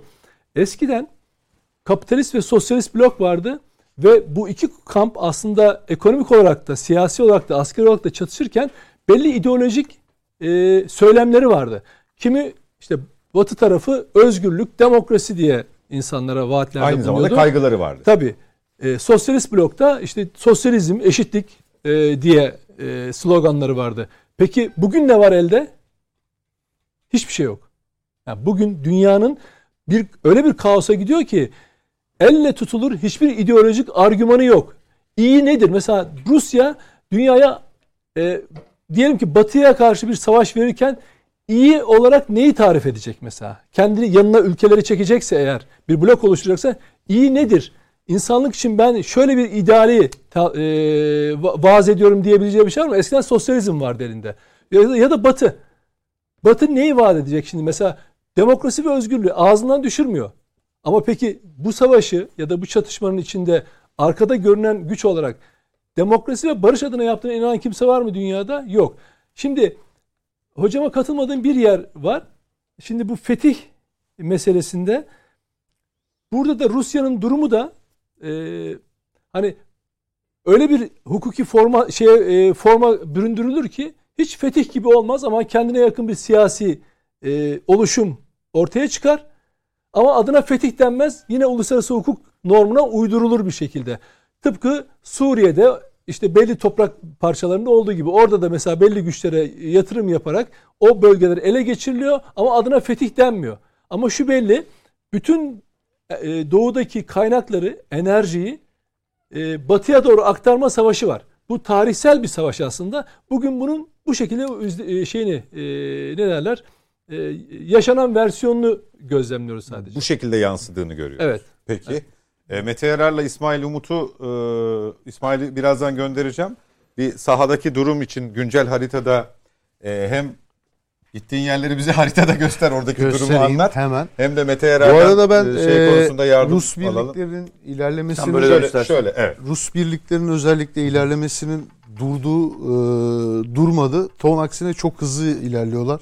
Yaklaşık günde Nerede ortalama Kiev etrafında e, şimdi şöyle söyleyeyim. Kuzey hattını zaten komple kapattılar. E, İprin bölgesi var. Bugünlerde çok konuşuyoruz. Oradaki nehri de geçtiler ve orada şu anda duruyorlar. Ama batıdan kuzey batıdan aşağı doğru e, şu anda bütün otobanlar şu anda Rusların elinde. Bütün otobanları kapattılar ve e, neredeyse güneybatıya kadar inmiş durumdalar şu anda. Ve buradaki ilerleme her gün yaklaşık e, en düşük şu anda 8 kilometre. Yani yarın sabah kalktığımızda bir 8 kilometre daha ilerlemiş olacak bu sordusu. Yani e, girmiyorlar ama etrafından dolaşıyorlar. Şu anda Kiev'in e, altına doğru, güneyine doğru ilerlemeye devam ediyorlar. En son burada e, Çeçen savaşçılar biliyorsunuz e, Kadirova bağlı Brontkaya'yı ele geçirdiler. E, sabah kalktım baktığımda 11 kilometre daha içeri girmişlerdi. Brişev diye bir kasaba var. Bu tam Orayı anlamıyla bir aldılar. kuşatma mı?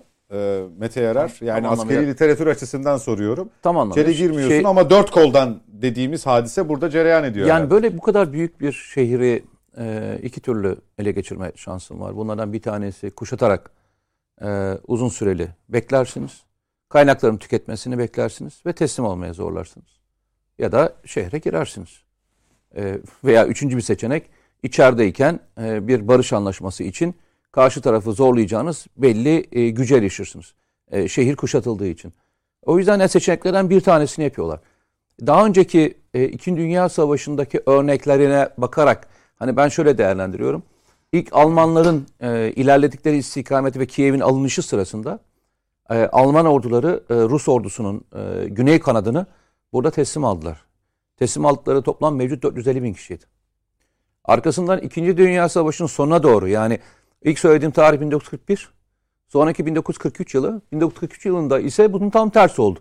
Aynı istikametten bu sefer Dinyeper Irmağı e, istikametinde e, savunma hattı kurdu Almanlar. E, aynı şu anda aşağı yukarı e, Dinyeper'e e, kendine sırtını dayamış durumda veya önüne almış durumda Ukrayna ordusu. Bu taraflarda şu anda yaptıkları çoğunlukla geri çekilirken vurkaç taktiğiyle operasyon yapıyorlar. Yani konvansiyonel anlamda tank tank savaşını görmüyoruz biz zaten burada. Burada gördüğünüz bir konvansiyonel savaşın hibrit savaş melez hali. Yani tam zaten hibrit melez demek. Melez bir savaş görüyorsunuz. Belli yerlerde e, yerel unsurlarla, belli yerlerde konvansiyonel unsurlarla savaşı icra ettiklerini Bu görüyoruz. bilinçli bir şey mi Mete Yarar yoksa bir kabiliyet, e, yeterliliği, yetersizliği penceresinden de Şimdi bakacak şöyle, mıyız şöyle buna? gidelim mi? Suriye'deki örneklerinden hareketle Şimdi söylüyorum bunu. şöyle söyleyeyim. Bakın harita her zaman insanı e, küçültür. Yani haritaya baktığınızda alan sizin için çok küçük kalır. Şu alanın büyüklüğü yani şuradaki alanın büyüklüğü toplam şu alanın büyüklüğü Türkiye'nin Edirne'den Hakkari'ye kadarki olan mesafesi kadar. Yani şuradan buraya geldiğinizde şeye geliyorsunuz. Ülke de Türkiye'den biraz daha küçük bir ülke. Biraz daha küçük Yok yok bir ben ülke sadece. sınır hattının yani operasyon yapılan alanın büyüklüğü anlamında söylüyorum. Yani şuradan Tabii, tabii. yürüseniz gelseniz 2000 küsur kilometreye geliyorsunuz. Yani Edirne'den yürüyüp e, Kars'a kadar gittiğiniz bir alandaki operasyon yapıyorsunuz. Bu alandaki operasyon küçük bir operasyon değil onu söylemeye çalışıyorum. Yani haritaya bakarak en, ne olacak? E, işte ilerliyorlar işte şu kadar ilerlemişler. Ya burada alınanların toplam alınan alanın büyüklüğü bir devlet kadar. Yani Avrupa e, şu an Avrupa'da bir devleti aldılar yani. Avrupa'da bir devleti aldılar. Ama şunu söyleyelim. Verdikleri kayıp oranına baktığınızda beklediklerinin belki 10 katı fazla kayıp verdiler.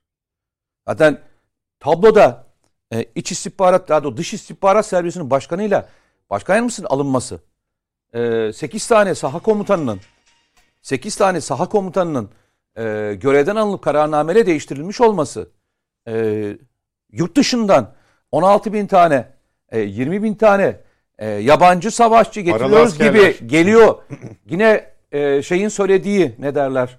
E, Putin'in söylediği bundan sonra operasyonu profesyonel orduyla devam ettireceğiz kararları sahada yaşanan gerçekliği Ruslar tarafından baktığında da anlıyorsunuz. Yani Ukraynalı tarafından bakmama gerek yok.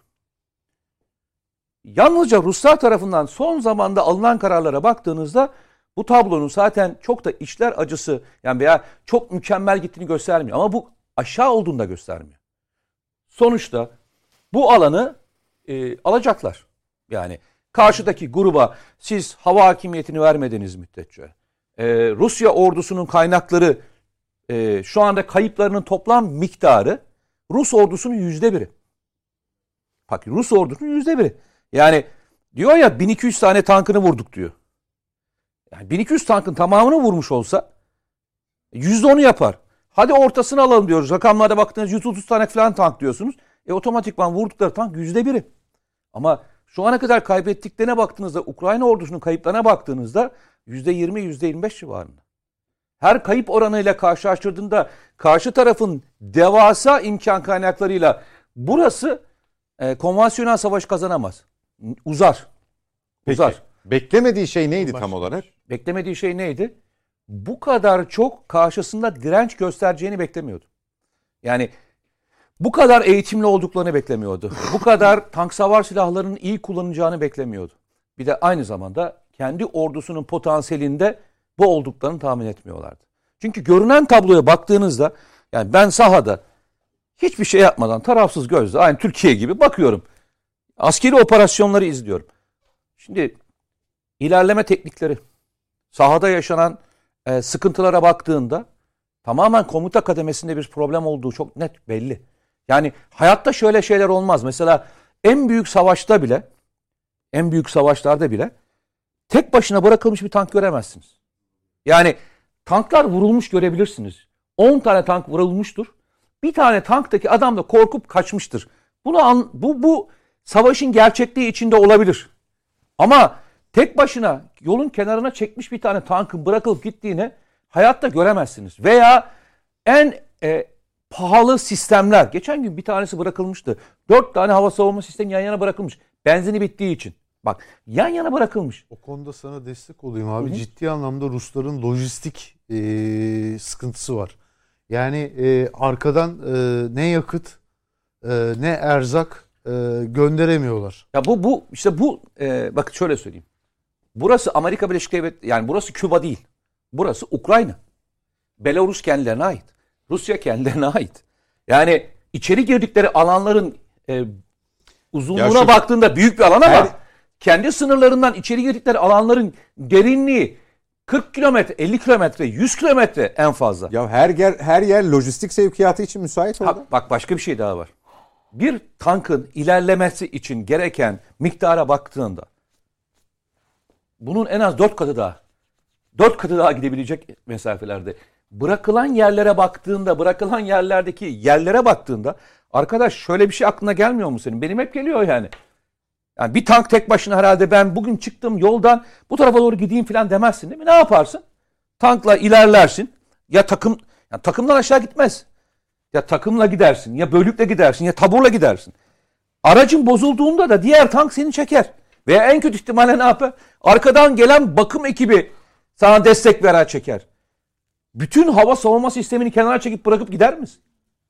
Onlarca bu şekilde örnekler var. Bu örneklere baktığınızda hem lojistikte hem komuta kademesinde hem iletişimde büyük problemler olduğunu görüyorsunuz. Zaten Putin'in tavırları 39 tane generalin tamamı saha generali.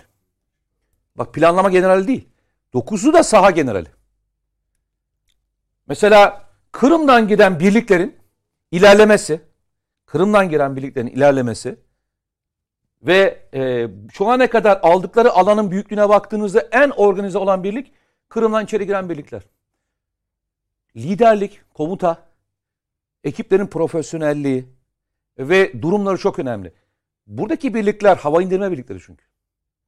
Rusya'nın en seçkin birlikleri. Çünkü Kırım onlar için çok önemliydi.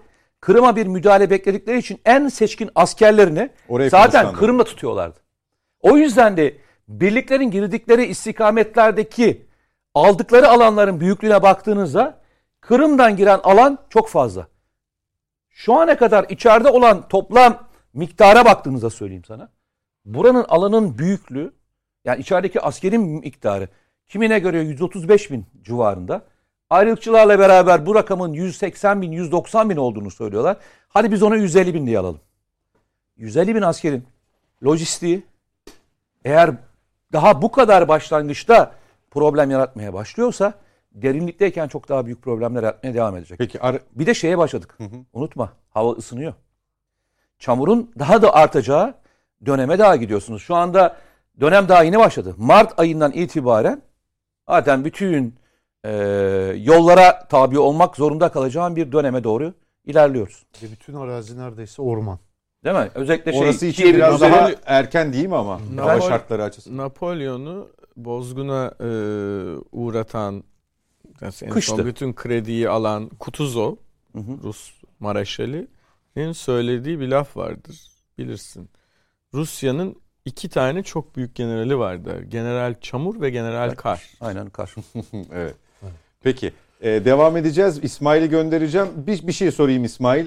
Ee, şu hattı olduğu gibi karadan ilerledin. Sen kadar. Şimdi çıktı ben Şuradan tam çıktı. şuradan e, Romanya Evet, şu, e, şurayı şuradan anlatırsan e, arkamızı dönmemiş olalım. Ha. Şimdi biz Oradan evet. e, Bulgaristan'dan Romanya'ya geçtik. Bükreş'e, Bükreş'ten e, Moldova'ya, Kişinev'e geçtik ve buradan e, Palanga sınır kapısına Evet, geldik. dönüş yolunu soruyorum. Çünkü orada sınırda e, tanıklıkların önemli. Tabii. Hem Odessa- Polonya tarafı hem Romanya tarafı. Şimdi Odessa ve Mariupol arasında bir 3 gün çalıştık biz. E, burada da ciddi anlamda özellikle e, Ruslara ait çok sayıda mi yoksa şeyde Yok. Mikalova'ya. ara hatta gidip Okey, geldik. tamam. E, ama e, şuralarda ciddi anlamda Rusların e, çok fazla sayıda yolda vurulmuş tank ve zırhlı araçları var. Yani e, yani geçerken ve 10-15 araçlık grupları görüyorsunuz ve hepsi tamamen etkisiz hale getirilmiş. E, biz daha sonra buradan Odessa'dan e, Kiev'e geldik. E, Kiev'de yaklaşık bir 10 güne yakın kaldık. E, ve e, çıkışta buradan çıkamadık mesela. E, güney hattını şu anda Ruslar komple almış durumda. Bütün otobanlar, e, ana yollar e, Rusların kontrolünde. O yüzden aşağı indik. Aşağı hattan e, güneye indik. Güneyden tekrar e, batıya ve Lviv'e geldik. Şu an Lviv inanılmaz bir durumda. E, acayip derecede göç var. Burada gördüğünüz bütün e, şehirlerden kaçanlar e, Lviv'de toplanmış durumda. E, bütün otogarlara, tren terminallerine her yere çadır kentler kurulmuş. E, onlarca yardım kuruluşu, Kızılaç'ından tutun Kızılay'ına kadar hepsi burada e, buradaki insanlara e, yardım etmeye çalışıyor. Ve o insanlar da buradan direkt e, ya e, Polonya üzerinden çıkış yapıyorlar ya da tekrar Romanya'ya inip buradan e, Siret kapısından Romanya'ya çıkmaya çalışıyorlar. Ve e, bu hattı biz yaklaşık işte e, yine e, 25 saate yakın geldik. Normalde 480 e, 485 kilometre Kiev e, de, Lviv e, hattı. Karayolları çok zayıf bir ülkeymiş galiba. Yani bölünmüş yol o kadar az ki. Yani özellikle Çoğu şehir tek hatlarda yok. Yani bu şey için de aynı. Romanya ve Bulgaristan için de aynı. Yani biz e, şey hiç bu, göremedik. E, bir tek şehir merkezlerinde e, o da büyük şehir merkezlerinde.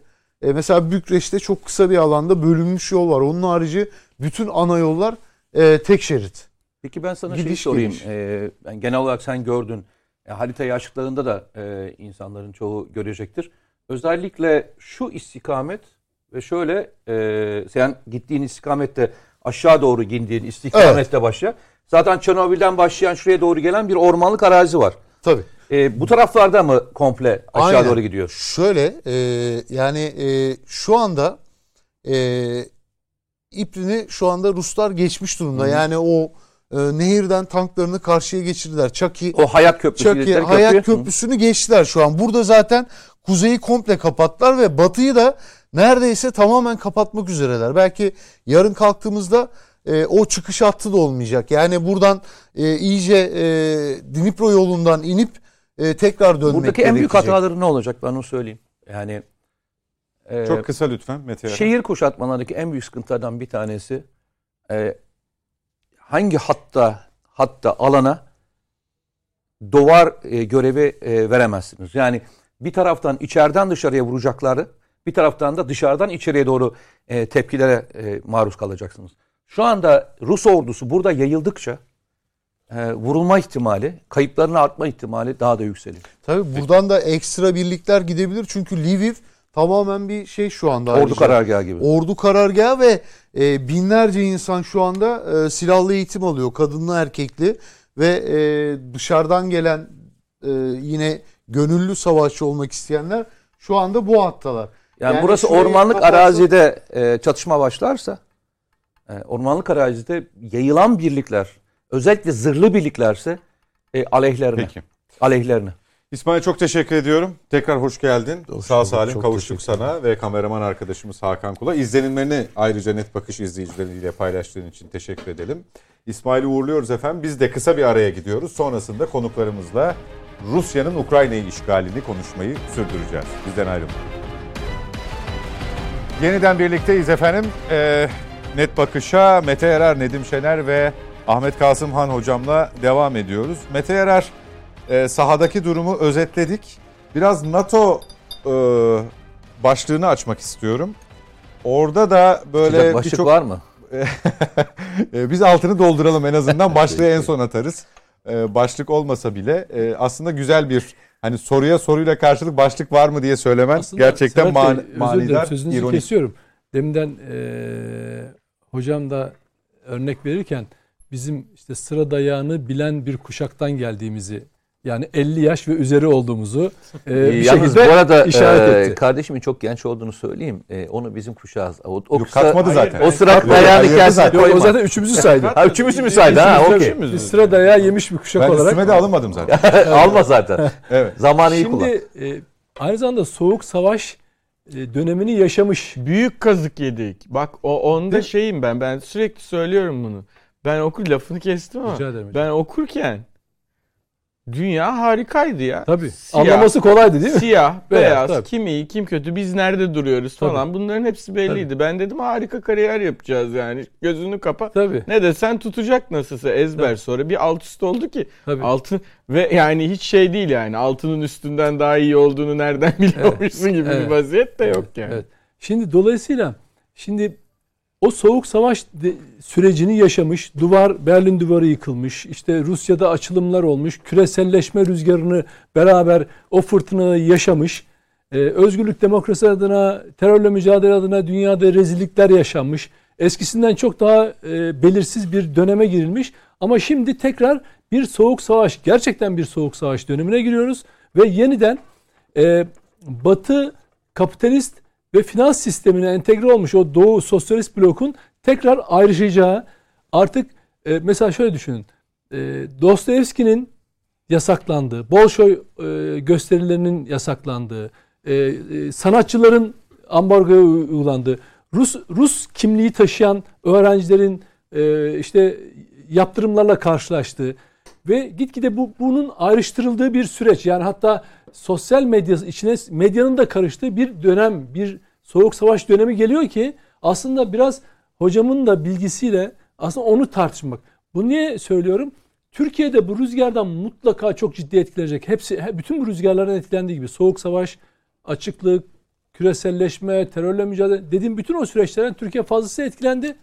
Olumlu, olumsuz yönlerden çok ciddi etkilendi. Bu arada net, ben cevap veriyordum. Nedim araya girdi. Verdin hayır. mi? Bak verdin mi gidersin. Bence Senin hani sen NATO, Bitti mi? NATO dedin ya. Yani o bağlamda aslında Türkiye'yi ne bekliyor? Yani Türkiye bütün bu rüzgarların arasında. Geleceğim oraya da geleceğim. İşte ona, Ben bir söyleyeyim istersen onu söyle onu bir söyleyeyim. Tam onu söyleyeceğim. Türkiye. evet. bitti orası gitti yani. Bak çok küçük bir alıntıyla bitireyim. Hiç hani insanlara eee, şey yapmayalım. İkinci şey pardon eee, bu Karabağ Savaşı sırasında Türk sihalarının ismi neydi Almanlar için? Erdoğan'ın katil sihaları. Manşet o. Alman Bild gazetesinde. Şimdi ne? Aynı siha. Ukrayna'nın kurtarıcı siyası. Bugün Alman şansölyesi geldi. Gazetecilerden bir tanesi, seninle beraber dinliyoruz. Soru neydi?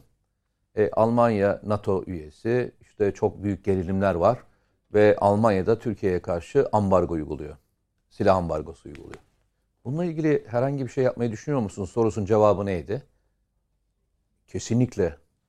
Hemen ya ne demek zaten beraberiz falan dersin beklersin değil mi? Ne dedi? Hiçbir şey yok.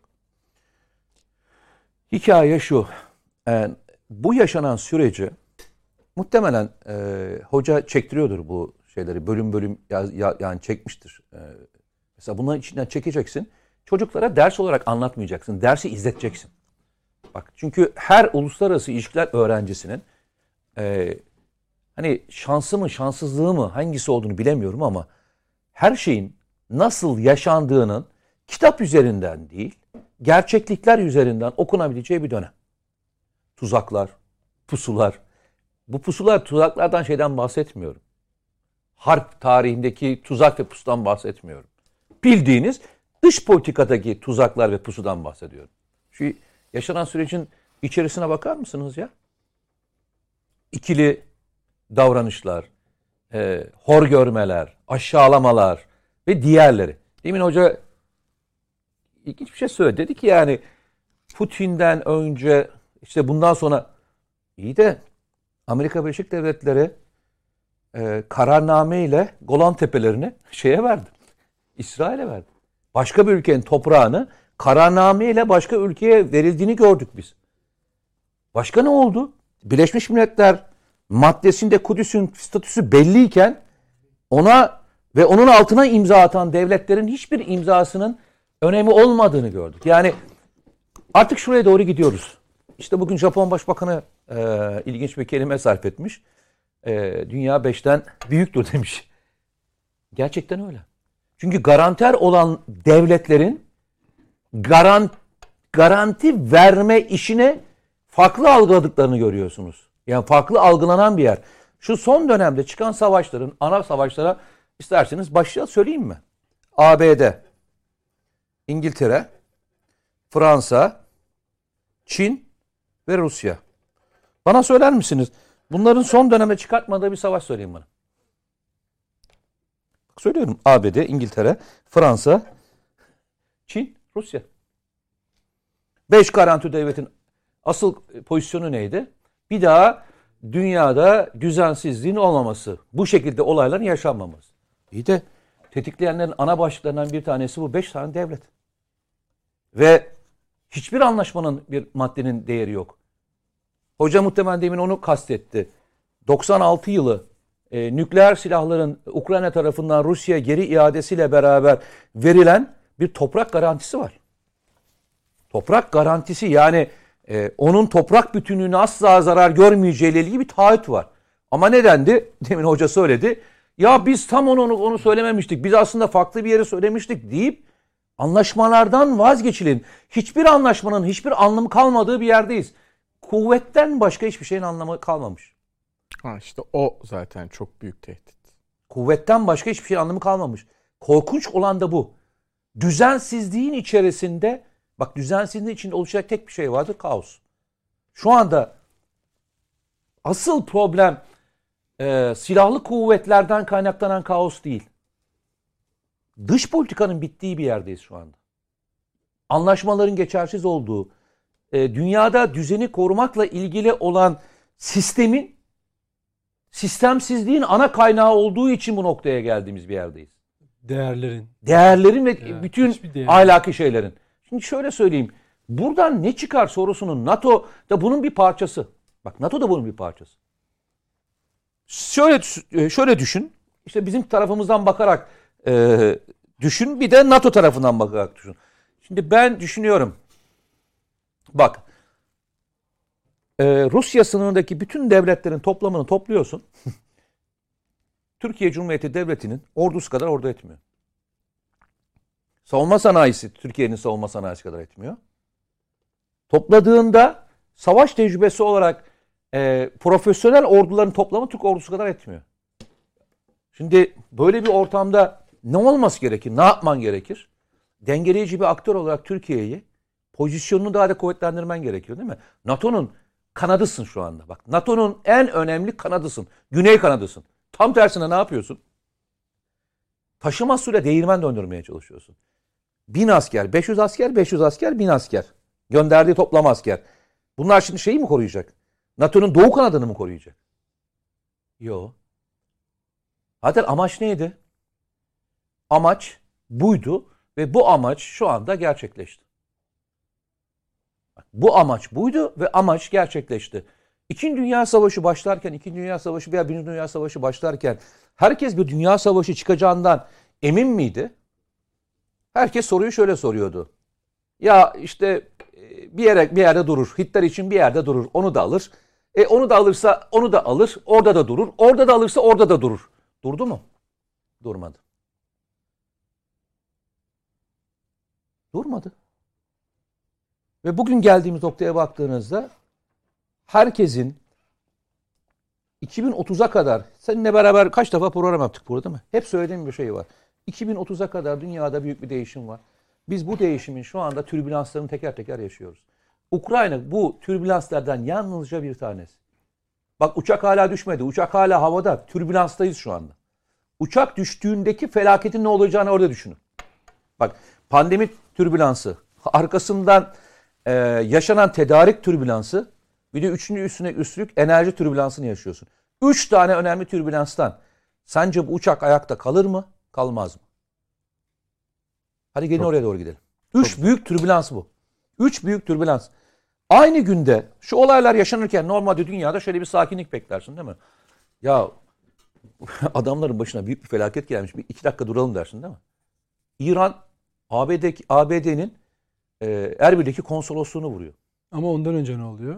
İki tane İranlı albayı Şam'da vuruyorlar. Ya bak işte bak ya, Operasyona bak. e, ama onu vuran İsrail. Ha işte. İsrail. İsrail öyle Ha şimdi bak tabii. şimdi olaya bak.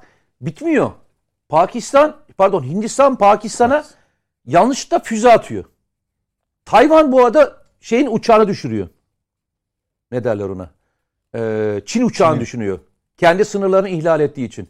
Bu arada Rus uçakları e, tartışmalı e, adalar var. Japonya ile arasında. iki ülkenin uçakları karşı karşıya geliyor. Şimdi düşünebiliyor musun? Olaya bakabilir misin? Türbülans dediğin şey tam da böyle. Fırsat bekleyenler vardır.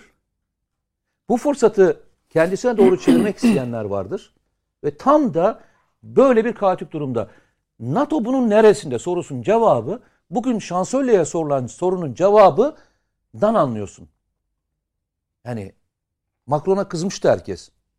Demişlerdi ki NATO'da beyin ölümü gerçekleşti mi? Evet NATO'da gerçekten bir fiziki bir güç var. Bildiğin hava gücü olarak bir güç var. Nükleer güç olarak bir güç var. Caydırıcılık var. Ama bunu kimin için ve nasıl isteyeceği bir ittifak bloğuyla değil, Nasıl kullanacağı? nasıl kullanacağı bir ittifak bloğuyla değil, aynı e, belirgin olan ülkenin kararıyla yapılıyor. Yoksa NATO ezici bir hava üstünlüğü var. Dünyanın şu an en büyük hava üssü üstünlüğüne sahip. Bunu Rusya'nın başkanı Putin de söyledi. Yani karşılaştırılmayacak bir güçle karşı karşıyayız diye kendisi de söyledi. Ama bu kimin işine yarar ve bu e, gücün dominant ülkesi kim? Amerika Birleşik Devletleri. Peki. Hocam NATO başlığını size de soracağım ama 2-3 gün önce bir beyanınız vardı zannediyorum. Bu Zelenski'nin tavrıyla, duruşuyla, yaptığı açıklamalarla ilgili e,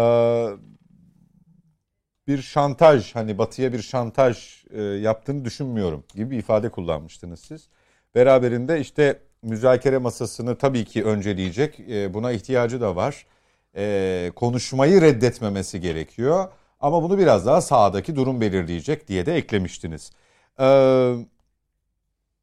Gerçekten bugün yani 19. ger- günü geride bırakıp 20. güne girmek üzere olduğumuz bir zaman diliminde haritadaki durumu da göz önünde bulundurursak Zelenski mevcut durumunu muhafaza ederek mi e, ilerleyebilir, ilerlerse daha iyi olur yoksa başka seçeneği var mı? Varsa bunu nasıl kullanacak?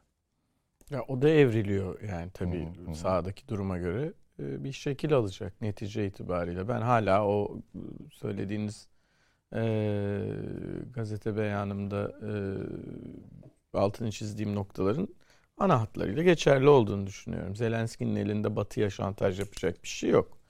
E, yani zaten e, Ukrayna şu anda tam anlamıyla örsle çekiç arasında kalmış bir ülke. Hı hı. Yani siz öyle yapmazsanız ben ne yaparım diyecek Zelenski. Orada çok fazla elinin altında bir kaldıraç yok. Ee, öte taraftan Putin'in artık hani e, kişisel nefret listesine girmiş e, vaziyette. Bundan önce aynı listeye girmiş olan e, Ukrayna liderini zehirlemek suretiyle öldürmeye kalktı Putin.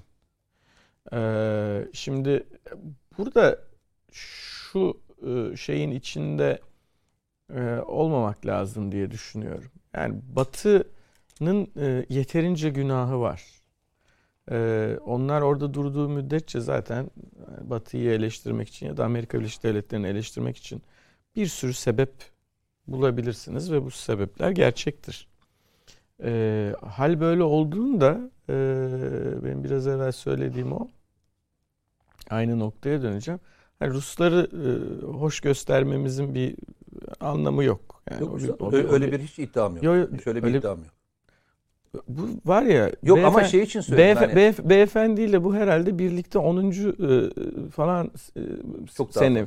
Çok senemiz değil Çok mi? daha fazla. Televizyonda daha yani 10 daha seneyi fazla. geç devirmiş vaziyetteyiz. Çok daha fazla. Ee, Alınganlık- 8, Yok, programda bir sö- söylediğim bir şeyle ilgili böyle bir yorum yok. Ben yok canım senin söylediğinle ilgili yok söylemedim. arka üst üste konuştuğumuz için Yok, söylüyorum. yok, Yanlış yok, anlaşılmasın. sen- Hiç yok, öyle bir iddiam yok, yok. Öyle Senin- bir öyle bir tablo da var ya. Onu öyle- kastediyor Yani bu, aslında. burada burada yok o tabloda. Şöyle bir tablo var ya ben şunu duydum. Yani artık bu şuursuzluğun dibi ya. Ee, yani Türkiye'de yaşamak için şuursuzluğun dibi gene bir başka televizyon programında. Yani başka şartlar altında da son derece de sevdiğim bir insan e, lafın müellifi e, döndü dedik yani Zelenski de aklını başına alacak kardeşim. Tarihi ve Rusya'yı yanlış okuyor. Şimdi adam şimdi bahsettiğin adam kim? Tarihi ve Rusya'yı yanlış okumak ne? Ukrayna'nın durduğu yeri yanlış okumak ne? Senin okuduğun tarihi o okuyamıyorsa o zaten nice e, bir haldir. Ayrıca sen Türkiye'sin. Yani kaç kere Rusya ile veya Rusya'nın e, mirasçısı olduğu devletlerle savaşmışsın. Rus çağrıdıyla savaşmışsın. Allah'tan Sovyetler Birliği ile savaşmamışsın. İki tarih arasında korkunç bir paralellik var. Biraz evvel e, Mete Yarar'ın söylediği o e, anlaşma Bu- Budapeşte Güvenlik Garantileri Anlaşması 1994 tabirli, tarihli. Ve Budapeşte e, Güvenlik Garantileri Anlaşması aslında START Anlaşması'nın bir mütemmim cüzü. Yani aralarında doğrudan bağlantı Tamamlayıcısı. var. Ee, bir, bir arada müzakere edilmiyorlar ama aslında bir arada müzakere ediliyorlar. Yani hem stratejik e, nükleer silahlar sınırlandırılıyor iki taraf arasında. Çünkü arkadaşlar şeye karar veriyorlar yani kendi aralarında 40 bin atom bombasının üstünde oturdukları için de hepsini bir arada patlatsan dünyanın aksı değişecek. Abartmıyorum bu arada. Yani e, dolayısıyla o, o olmasın diye azaltıyorlar. Yani sadece birbirimizi öldürüp insanlığı yok edecek kadar bir rakama insek olur diye karar veriyorlar. İşte 6 bin küsur e, neticede Rusya'nın geldiği rakam. Onun biraz azı da Amerika'da var. E şimdi e, o esnada Kazakistan, Beyaz Rusya ve Ukrayna'nın elindeki nükleer silahları almak için de bu Budapeşte Güvenlik Garantileri Anlaşması yapılıyor. Budapeşte Güvenlik Garantileri Anlaşması'nda Rusya, Amerika Birleşik Devletleri ve İngiltere Ukrayna'nın toprak bütünlüğünü efendim şey yapıyorlar, garanti altına alıyorlar. Karşılığında da Ukrayna nükleer silahlarını veriyor. Şimdi e, yani sevgili Nedim Şener'i bilmiyorum ama ben biraz bugüne kadar kıymetli dostum e, Mete Yarar'ı tanıdıysam ikimize bıraksalar da mümkün değil. Öldürseler vermezdik biz o silahları yani.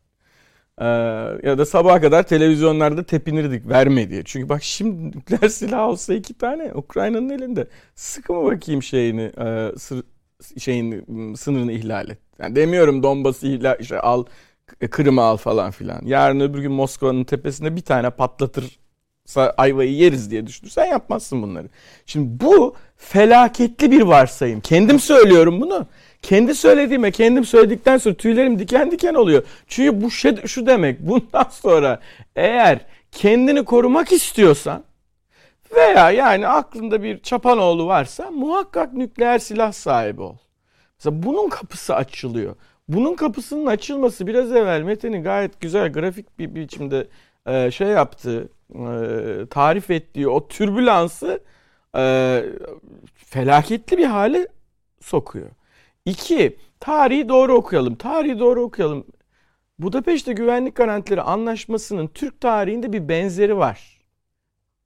Sovyetler Birliği ile yapılmış. Ne? 1925 tarihli dostluk ve yani metni dolayısıyla saldırmazlık anlaşması. 1945 geldiği zaman Joseph Stalin o zaman Sovyetler Birliği'nin lideri diyor ki ya biz bunu yenilemiyoruz. Ankara'da bir panik. Doğal olarak bir panik yani. Çünkü şaka değil yani Rus tankları girmişler Berlin'e kadar. Bütün Avrupa orada. Amerikalıların ne yapacağı belli değil. Atom bombası diye bir realite çıkmış. İngilizler zaten hani gidiyorlar. Ee, ve meşhur meşhur e, görüşme gerçekleşiyor. Moskova'da. Ve Moskova'da Molotov dönüyor diyor ki Kars'ı Ardahan'ı bir bize verin. Boğazlarda da diyor müşterek kontrol. Aslında üst istiyor. Selim Sarper bunu duyunca artık bilemiyoruz yani ne e, hissetti ama muhtemelen yani ben olsam kulaklarıma kadar e, 45 dereceye çıkar vücut ısım. Hemen e, bunu Ankara'ya bildiriyor ve Türkiye'nin NATO ve Batı tercihi böyle başlıyor. Rusya aynı şeyi Ukrayna'da yapıyor. Yani araya e, yarım asır koyuyorsun. Yarım asırdan daha fazla hoş yani orada işte 55 sene orada 22 sene burada var 77 sene sonra. Aynı şeyi yapıyor. Daha önceden imzaladığı bir anlaşma var. Bu diyor yok hükmündedir. Orada da zaten onu ondan yazmamıştım. Kusura bakma. Ne dedi Mete? Çok önemli. Bu ne demek? Bu meydan dayağını en iyi atan haklıdır demek. Şimdi Türkiye gibi devletlerin bunda hiçbir çıkarı olamaz. Çünkü hani şunun bir gerçekliğiyle karşı karşıya kalalım ve şuna karar yani bir, bir, bir doğru tespit yapalım. Türkiye büyük bir devlettir. Yani bizim her Allah'ın günü tekrarımıza ihtiyaç duymayacak kadar büyük bir devlettir Türkiye. Dünyanın sanayi kompleksitesi, endüstriyel kompleksitesi bakımından altyapısı en sağlam ülkelerinden bir tanesidir. Dünyanın en büyük 20 ekonomisinden bir tanesidir. Bunlar hep böyle. Yani 1979'a git dünyanın en büyük 16. ekonomisi bu ülke. Ee, tam şeyden önce, petrol krizinden önce. Şimdi e, e, böyle bir ülkeden bahsediyoruz. 85 milyon nüfus, ordusu ordudur, devleti devlettir falan falan falan. Ama orta büyüklükte bir devlettir. Yani bu gücü gücü yetene dünyasında böyle o şeyde avluda herkesi döven çocuk olamaz. Türkiye. Ama dayak da yemek için sıraya ha. girildiğinde Şimdi, son akla gelen yani adamdır. İlk akla gelen de olmazsın. tamam mı? Ama yani iş tersine giderse hele böyle Rusya ile Musya ile komşuysan ve tarihin boyunca bu adamlarla savaştıysan ve bu savaşların pek azını kazandıysan üstelik o kazandığın pek azının pek çoğunda her zaman yanında bir başkaları olduğu için bu işler böyle ceryan ettiyse o zaman bir duracaksın. Tarihi okumak, cezalandırılmak, yanlış tercih yaptığı için şimdi bedelini ödesin demek falan. Türkiye'nin geçtiğimiz 10 sene içerisinde yaptığı dış politika yanlışlarını buradan yazmaya başlasın. Öbür tarafa kadar yol olur. Şimdi biz onların her biri için cezalandırılmalı mıyız? Veya Suriye'de Türkiye yanlış bir politika izliyordu. Doğrusuna döndü. Bedelini ödedi. bedelini ödediği bir politikayla doğrusuna döndü. Ve tekrar Suriye sahasında aktör oldu. Kendisini de muhtemelen artık altından kalkamayacağı bir göç dalgasına karşı tamponlu bir hale getirdi. Ne diyecektik biz? Yani Türkiye orada hata yaptı. O zaman tamam buradan gelen bütün bedeli Türkiye ödesin mi? Veya şunu mu söylüyoruz? Ee, devrin e, sabık e, başbakanı ve dışişleri bakanı e, görevlerinde bulunan e, kıymetli Türk büyüğü e, bütün şeyleri sınırları açtı diye ya biz bir kere o sınırları açtık 3 milyon daha gelsin mi diyoruz? Diyemeyiz. Böyle bir şey yok. Bunların bunun böyle olmamasında neye bo borçluyuz? Bir ölçüde yani mükemmel değil rezalet ama uluslararası ilişkiler konuşuyoruz. İç hukuk konusunda ne kadar tavizsiz bir biçimde ideal ve ilkelerine bağlı işleyen bir iç hukukun yanında olmak aklın, mantığın ve insanlığın gereği ise dünya söz konusu olduğu zaman uluslararası ortamda hiçbir zaman ideal bir şeyle manzarayla karşılaşmayacağınızı bilmek de o kadar aklın mantığın gereği. Dolayısıyla biz kötülerin arasında bir seçim yapmak durumundayız burada. Çok isterim dünya farklı bir yer olsun. Ama kötülerin arasında bir seçim yapmak zorundayız. Ve kötülerin arasında seçim yaparken biraz evvel sevgili Nedim Şener'in atıfta bulunduğu Amerikalı siyaset bilimciler derken bir tanesi çok ön planda. E, esas kastı da o. E, John Marsheimer. Marsheimer e, 2014'te e, şunu söyledi. Aklı başında bir uyarıydı. E, Amerikan e, müesses nizamına. Birader dedi bu şeylere e, Ukraynalılara durduk yere ve boşu boşuna gaz veriyorsunuz. Sonunda bu iş Ukrayna'nın e, Rusya'nın e, altında ezilmesiyle sonuçlanacak. Ve siz de yardım ve, ve, ve, ve yani bunu yapmayın dedi. Çünkü buradan çıkacak olan tırmanmanın sonunu nerede durduracağınızı bilemezsiniz. Yani bu işler o kadar planlı değil. Onu söylemeye çalışıyorum. Bir adam çıktı bunu. Bunu söyleyen Mearsheimer şey bir adam değil böyle. Hani ben değil Mearsheimer. Yani gel işte gel işte televizyonda e, e, fikrini alalım hocam. işte entelektüel derinliğin şöyledir veya böyledir diye sağ olsun. Ee, Nedim'in yaptığı iltifatları ama yani öyle bir adam değil. Bu adam sonuna kadar Amerikan sisteminin içerisinde o, o stratejilere karar veren adamlardan biri. Biz böyle dışarıdan baktığımız zaman orada böyle bir monolitik bir grup var, bir kabal var. O bir araya geliyor. Kendi aralarında karar veriyorlar, gidiyorlar. Yo bu adam bunu şey yaptı. Soğuk Savaş'ta nasıl Vietnam Savaşı çıktığında burada küçük küçük söylüyorum. Bizi söyleyenler, seyredenlerden de merak eden olursa takip etsin diye. New York Times'ta bir adam bir yazı yazdı. Adamın adı John Morgenthau. Tamam mı? Ee, Morgenthau dediğiniz adam da az bir adam değil. Neden? Çünkü Soğuk Savaş'ın stratejisine karar veren adamlardan bir tanesi. Neyle ilgili e, şey? E, makale. Makale Vietnam. Vietnam'la alakalı. Girmeyin diyor. Delilik bu yani. Hiç de öyle düşündüğünüz gibi bir şey olmayacak. Çünkü Fransızların daha önce deneyimi çok Aynen. fazlasıyla var. Hem, hem, hem, hem sopa yiyeceksiniz diyor hem de öyle domino teorisi falan filan hikaye bunlar boş boşuna. Ee, gereksiz bir yerde Amerika Birleşik Devletleri'nin gücünü harcıyorsunuz. Çünkü şunun farkında adın Amerika'da olsa hani e, teşbih hata olmaz. E, silahın şarjöründe e, var olan kurşuna dedi belli. 14 tane. Hadi bir tane de namlu da 15. Beyefendinin iyi bildiği bir tane de arkaya sokarsın 16. O da yerim varsa. Bu da tabanca. Tamam mı? Ha, bu da tabanca. Şimdi bu, bu 16 tane kurşunu var. 16.yı attıktan sonra tamam bitti. Ya yeni bir şarjörün olacak ya da ayvayı yedin karşındakinde kurşun kaldıysa. Onun için yapmayın bunu diyor. Şimdi bunlar hep değişen, dönüşen, realiteyle karşılaştıkça bir daha bir daha biçimlenen e, şey e, Trump seçilmiş olsaydı ABD'nin e, Ukrayna stratejisi böyle mi olacaktı? Daha mı farklı olacaktı? Farklı olsa daha mı sert olacaktı, daha mı yumuşak olacaktı? Bakın e, NATO'nun tavrı ya da çok farklı mı olacak? Yani NATO'nun tavrı çok mu farklı olacaktı? O gün bütün bu koşullara rağmen Trump dönüp belki Biden'dan daha fazla NATO'cu bir tavır içerisine girecekti. Evet. Belki de tam tersi. Bunu bilmiyoruz. Ha şimdi Trump'a sorsan diyor ki ona da duy da inanma. Ben benim, benim, benim, benim, benim zamanımda olsa bu işler diyor. Ben Putin'i yani, idare ettim bir şekilde yani, geçindim. Biz, bizdeki sokak jargonu dayak manyağı ederdim diyor. Tamam mı? Yani öyle miydi değil miydi bilmiyoruz. Dolayısıyla bu işler böyle biraz kendi içinde şey yapıyor. NATO ne? NATO şu bakımdan önemli bakın. Çok kısa hocam. Ee, NATO şu bakımdan önemli. NATO bu dünyada gayri mükemmel işlediği, ağır aksak işlediği muhakkak olan bu sistemde uluslararası politikanın yüksek masalarından bir tanesidir. Beğen beğen, sev sevme. Yüksek masalarından bir tanesidir. Ve evet ABD'nin çektiği yöne doğru hareketlenir. Doğru. Ama her ülkenin elinde bir oy olumsuz oy verme hakkı vardır.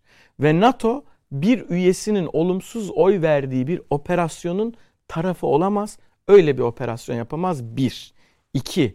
Rus uçağını düşürdüğümüzde... Peki hocam özür dilerim. Bunu hiç test ettiler mi NATO tarihinde?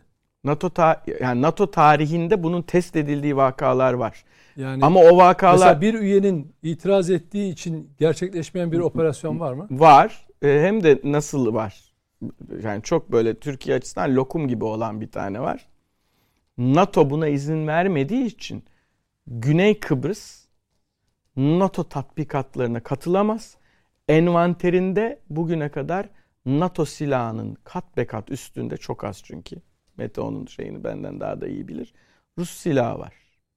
Rus silahı olduğu için ve bu şeylere katılamadığı için Avrupa Birliği'nin güvenlik şemsiyesi içerisinde de yeterince efektif ben, çalışamıyor. Yok savaş ben anlamında savaş denendi mi diyor. Hocam. NATO savaşa girmedi ki. İşte onu söylüyorum. NATO yani hiç bu hiç test edilmiş bir Hayır. durum değil. O Ama yani söyledim. bir olumsuz oy veren bir Türkiye'nin yaptığı bir şey var. Bak Avrupa Birliği'nde bunun onda birini gerçekleştiremiyor Türkiye ama NATO kapsamında bunu yapabiliyor. Şunu demek istiyorum hocam. Veya o, o güç sınandığı anda Amerika Birleşik Devletleri'nin onu dinleyeceğini, Şimdi, ee, yani mesela bunu Irak şey e, Afganistan meselesinde Bu, yani onun bir- onun ne da yaptı örneğini vereyim. Bush? Onun da Ya örneğini benim vereyim. yanımdasın ya düşmanımsın dedi bitti. Beşinci onun- madde ilk defa onun- işletildi. Yok Değil onun mi? da hayır öyle değil.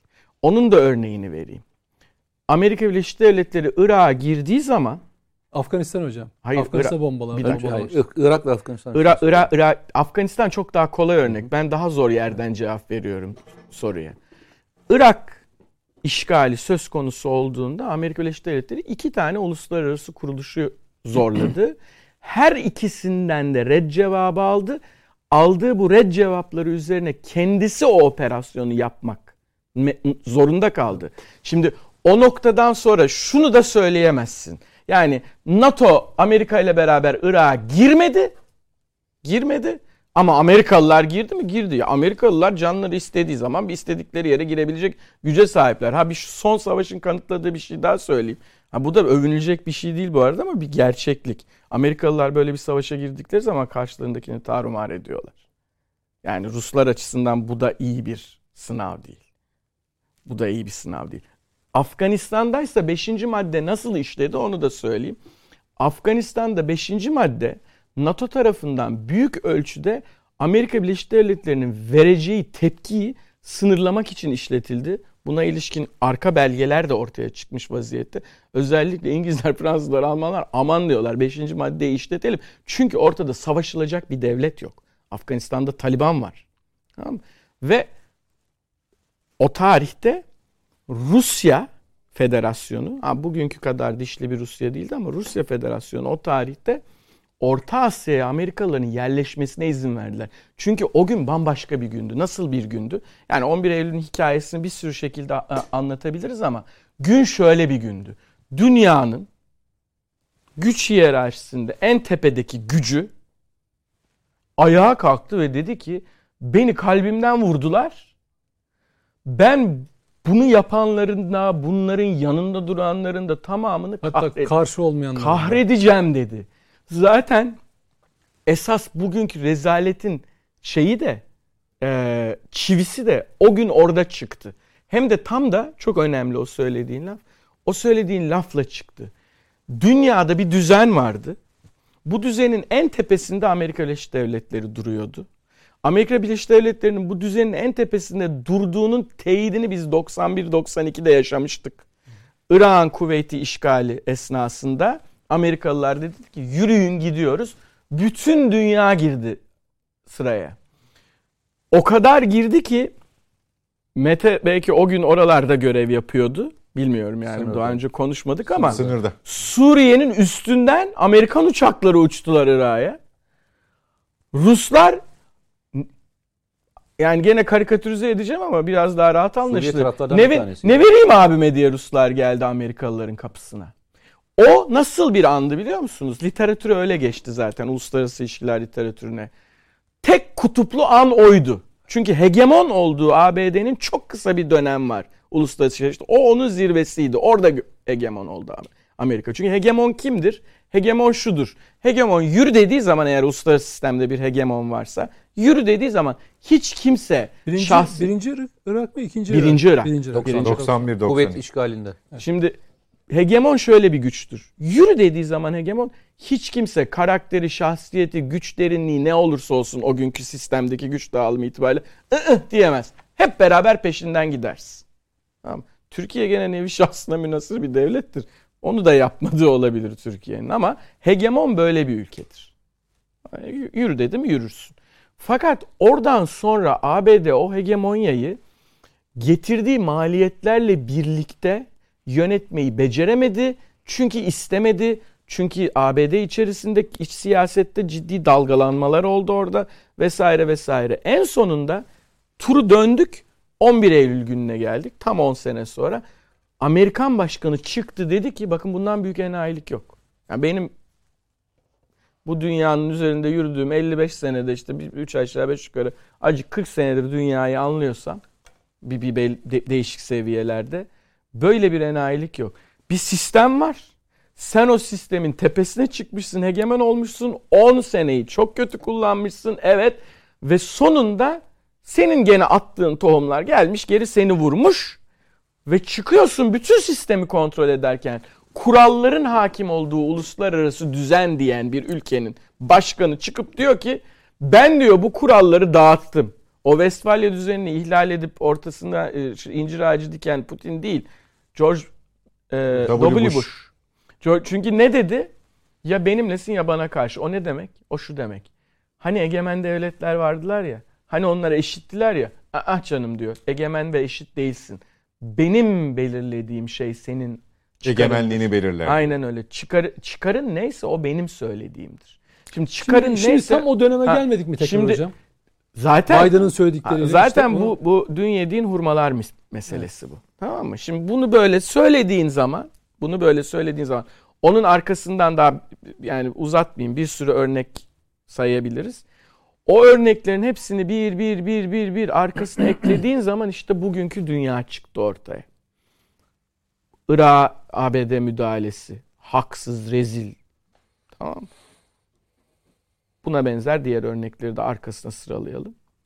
İçlerinde işte Golan Tepesi kararı da var. Trump'ın Kudüs kararı da var. O da var, bu da var. Ama Amerikalılar zaten bu iş böyle oluyor. Roma'nın tarihine bakın, Osmanlı tarihine bakın. Kendi eliyle parça pinçik ediyor en tepedeki güç en sonunda. Çünkü kendi ağırlığını taşıyamamaya başlıyor. Yani daha e, ne bileyim organik bir örnek vermek gerekirse. Devlet Kendi- narsizmini Evet, yaşıyor. ke- kendi ağırlığını taşıyamıyor. Şimdi ABD kendi ağırlığını taşıyamaz bir hale geldi. Ha buradan sonrası, buradan sonrası türbülans, türbülanstan sonrası kuyruk etrafında 360 derece dönerek yere çakılma. Bunun sonunda ne doların e, bugünkü hegemonyası kalır, ne bugün bildiğimiz dünya düzeni kalır. Biraz evvel senin söylediğin şey çok önemli azizim. Dedin ki yani eskiden bir ideolojiler çerçevesinde en azından iyi neyi tarif ettiğinde bir şey öneriliyordu. Bugün neyi önereceğini bilmiyor kimse. Dolayısıyla bu yani bütün yazar çizer takım Batı'nın o hani hümanizma, özgürlük, demokrasi, bitmiş eşitlik falan vaziyet. tamamen bitmiş durumda. Bugün- dümdüz Faşizmin başka türlü versiyonlarını Yine, ya görüyoruz. hani faşizm olsa hiç olmazsa diyeceksin ki faşizmin bazı kuralları var. İnsanlara onu öğretirsin. İşte öyle bir dikta dikta yönetimi falan. Ya Faşizmin kendi içinde bir teorisi var. Ya hiçbir şey yok. Yani Hiçbir şey yok. ya dinlerin, inançların, kavramların, değerlerin hiçbir anlam Hiçbir taşımadığı. anlamının Tek bir şey var. yer. Mete'nin de anlattığı gibi güç ve eşittir çıkar. Sadece çıkar. Ha, ben Çıkarın varsa Bu Hiç önemli dünya değil. bu Burada beraber gayet iyi hatırlıyor musun? da gayet iyi anlayabilirsin. Fakat sonuçlarından memnun asla kalmazsın. Netice şunu söyleyeceğim. Son cümlemi de söyleyip sana bırakayım lafı. Zaten çok uzattım. Yok yok. Ee, Bence böyle daha güzel oluyor. ama- iyi oluyor. Hikaye şöyle bir noktaya gidiyor. Bu sistem darma duman olacak ama Anadolu'da bir laf var. İşte Anadolu irfanı diyoruz ya. Orada o laf önemli. Diyor ki gökyüzü yıkılınca herkesin hasırına değer.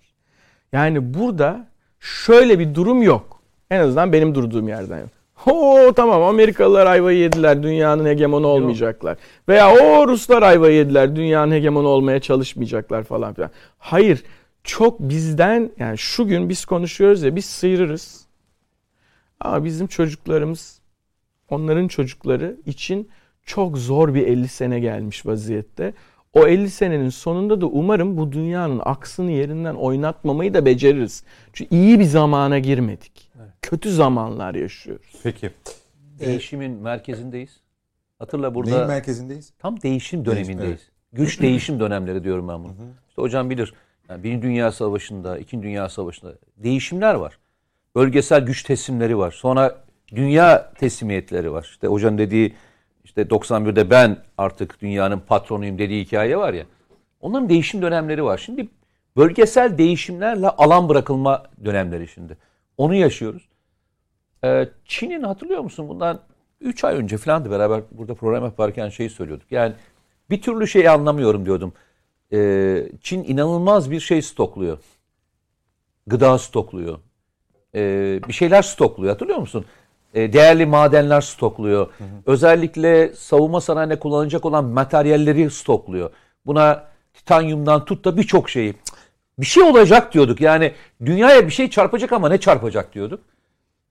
İşte iki gün önce Almanya e, halkına bir açıklama yaptı. Belli malzemeleri lütfen panik yapmadan e, stoklayın.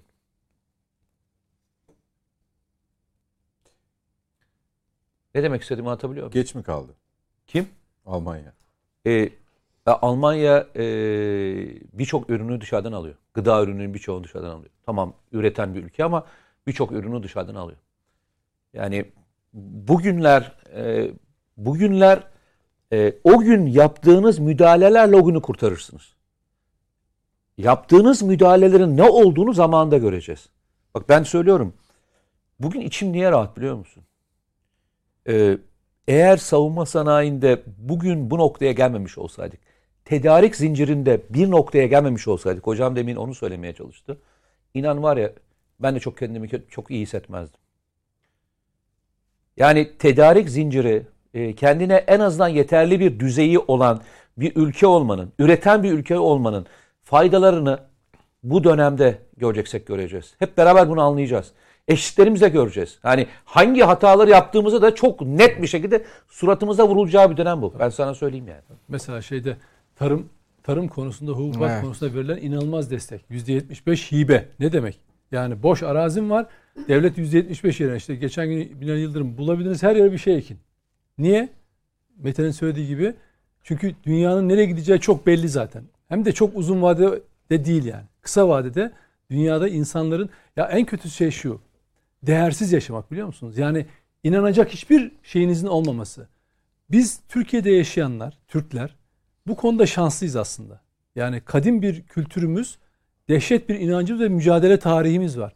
Bu böyle dönemlerde oturup bazen insan kendine döndüğünde dünyadaki o kaostan sıyrılabilir ve kendini çok iyi bir yere konumlandırabilir. Mete'nin söylediği gibi de bazı alanlarda güçlendirdiğin zaman o bir özgüvendir. Evet seni çevre ülkelerin falan şey yapmaz. Ama bak bugün Türkiye gerçekten coğrafi konumunun verdiği güçle özellikle 15 Temmuz 2016'dan itibaren e, dış politikasında ulusal menfaatleri ve hak çerçevesinde uluslararası ilişkiler çerçevesinde diplomasiyi de öyle yönettiği için herkes buraya gelmeye çalışıyor artık. Yani Türkiye ile ilgili bir şeyler oluyor. Çok önemli bir şey. Yani Şu bu, süreci nasıl bu çatı. yorumluyorsun? Altalya buluşması biraz da oraya oraya Bak, girmiş olalım. Türkiye açısından çok değerli. Yani hani bugün şöyle bir şey. Daha önce de bu bahsettiğimiz İsrail, Birleşik Arap Emirlikleri, Amerikalılar, Avrupalılar Türkiye'ye gelirdi. Ama o zaman Türkiye'yi bir parya olarak görürlerdi. Yani Türkiye gidilir, işte bir resepsiyona katılır, Cumhurbaşkanıyla görüşülür, Başbakanla görüşülür, işte bir kokteyle katılır, işte öv, övülür, atlanır uçağa gelinir. E, Türkler ondan sonra onlar ne diyorsa onu yapardı. Bu 2000 bu iktidar döneminde de böyle oldu zaten. Eskiden de böyleydi. Ama 2016'dan itibaren Türkiye dost düşman ne olduğunu gördü.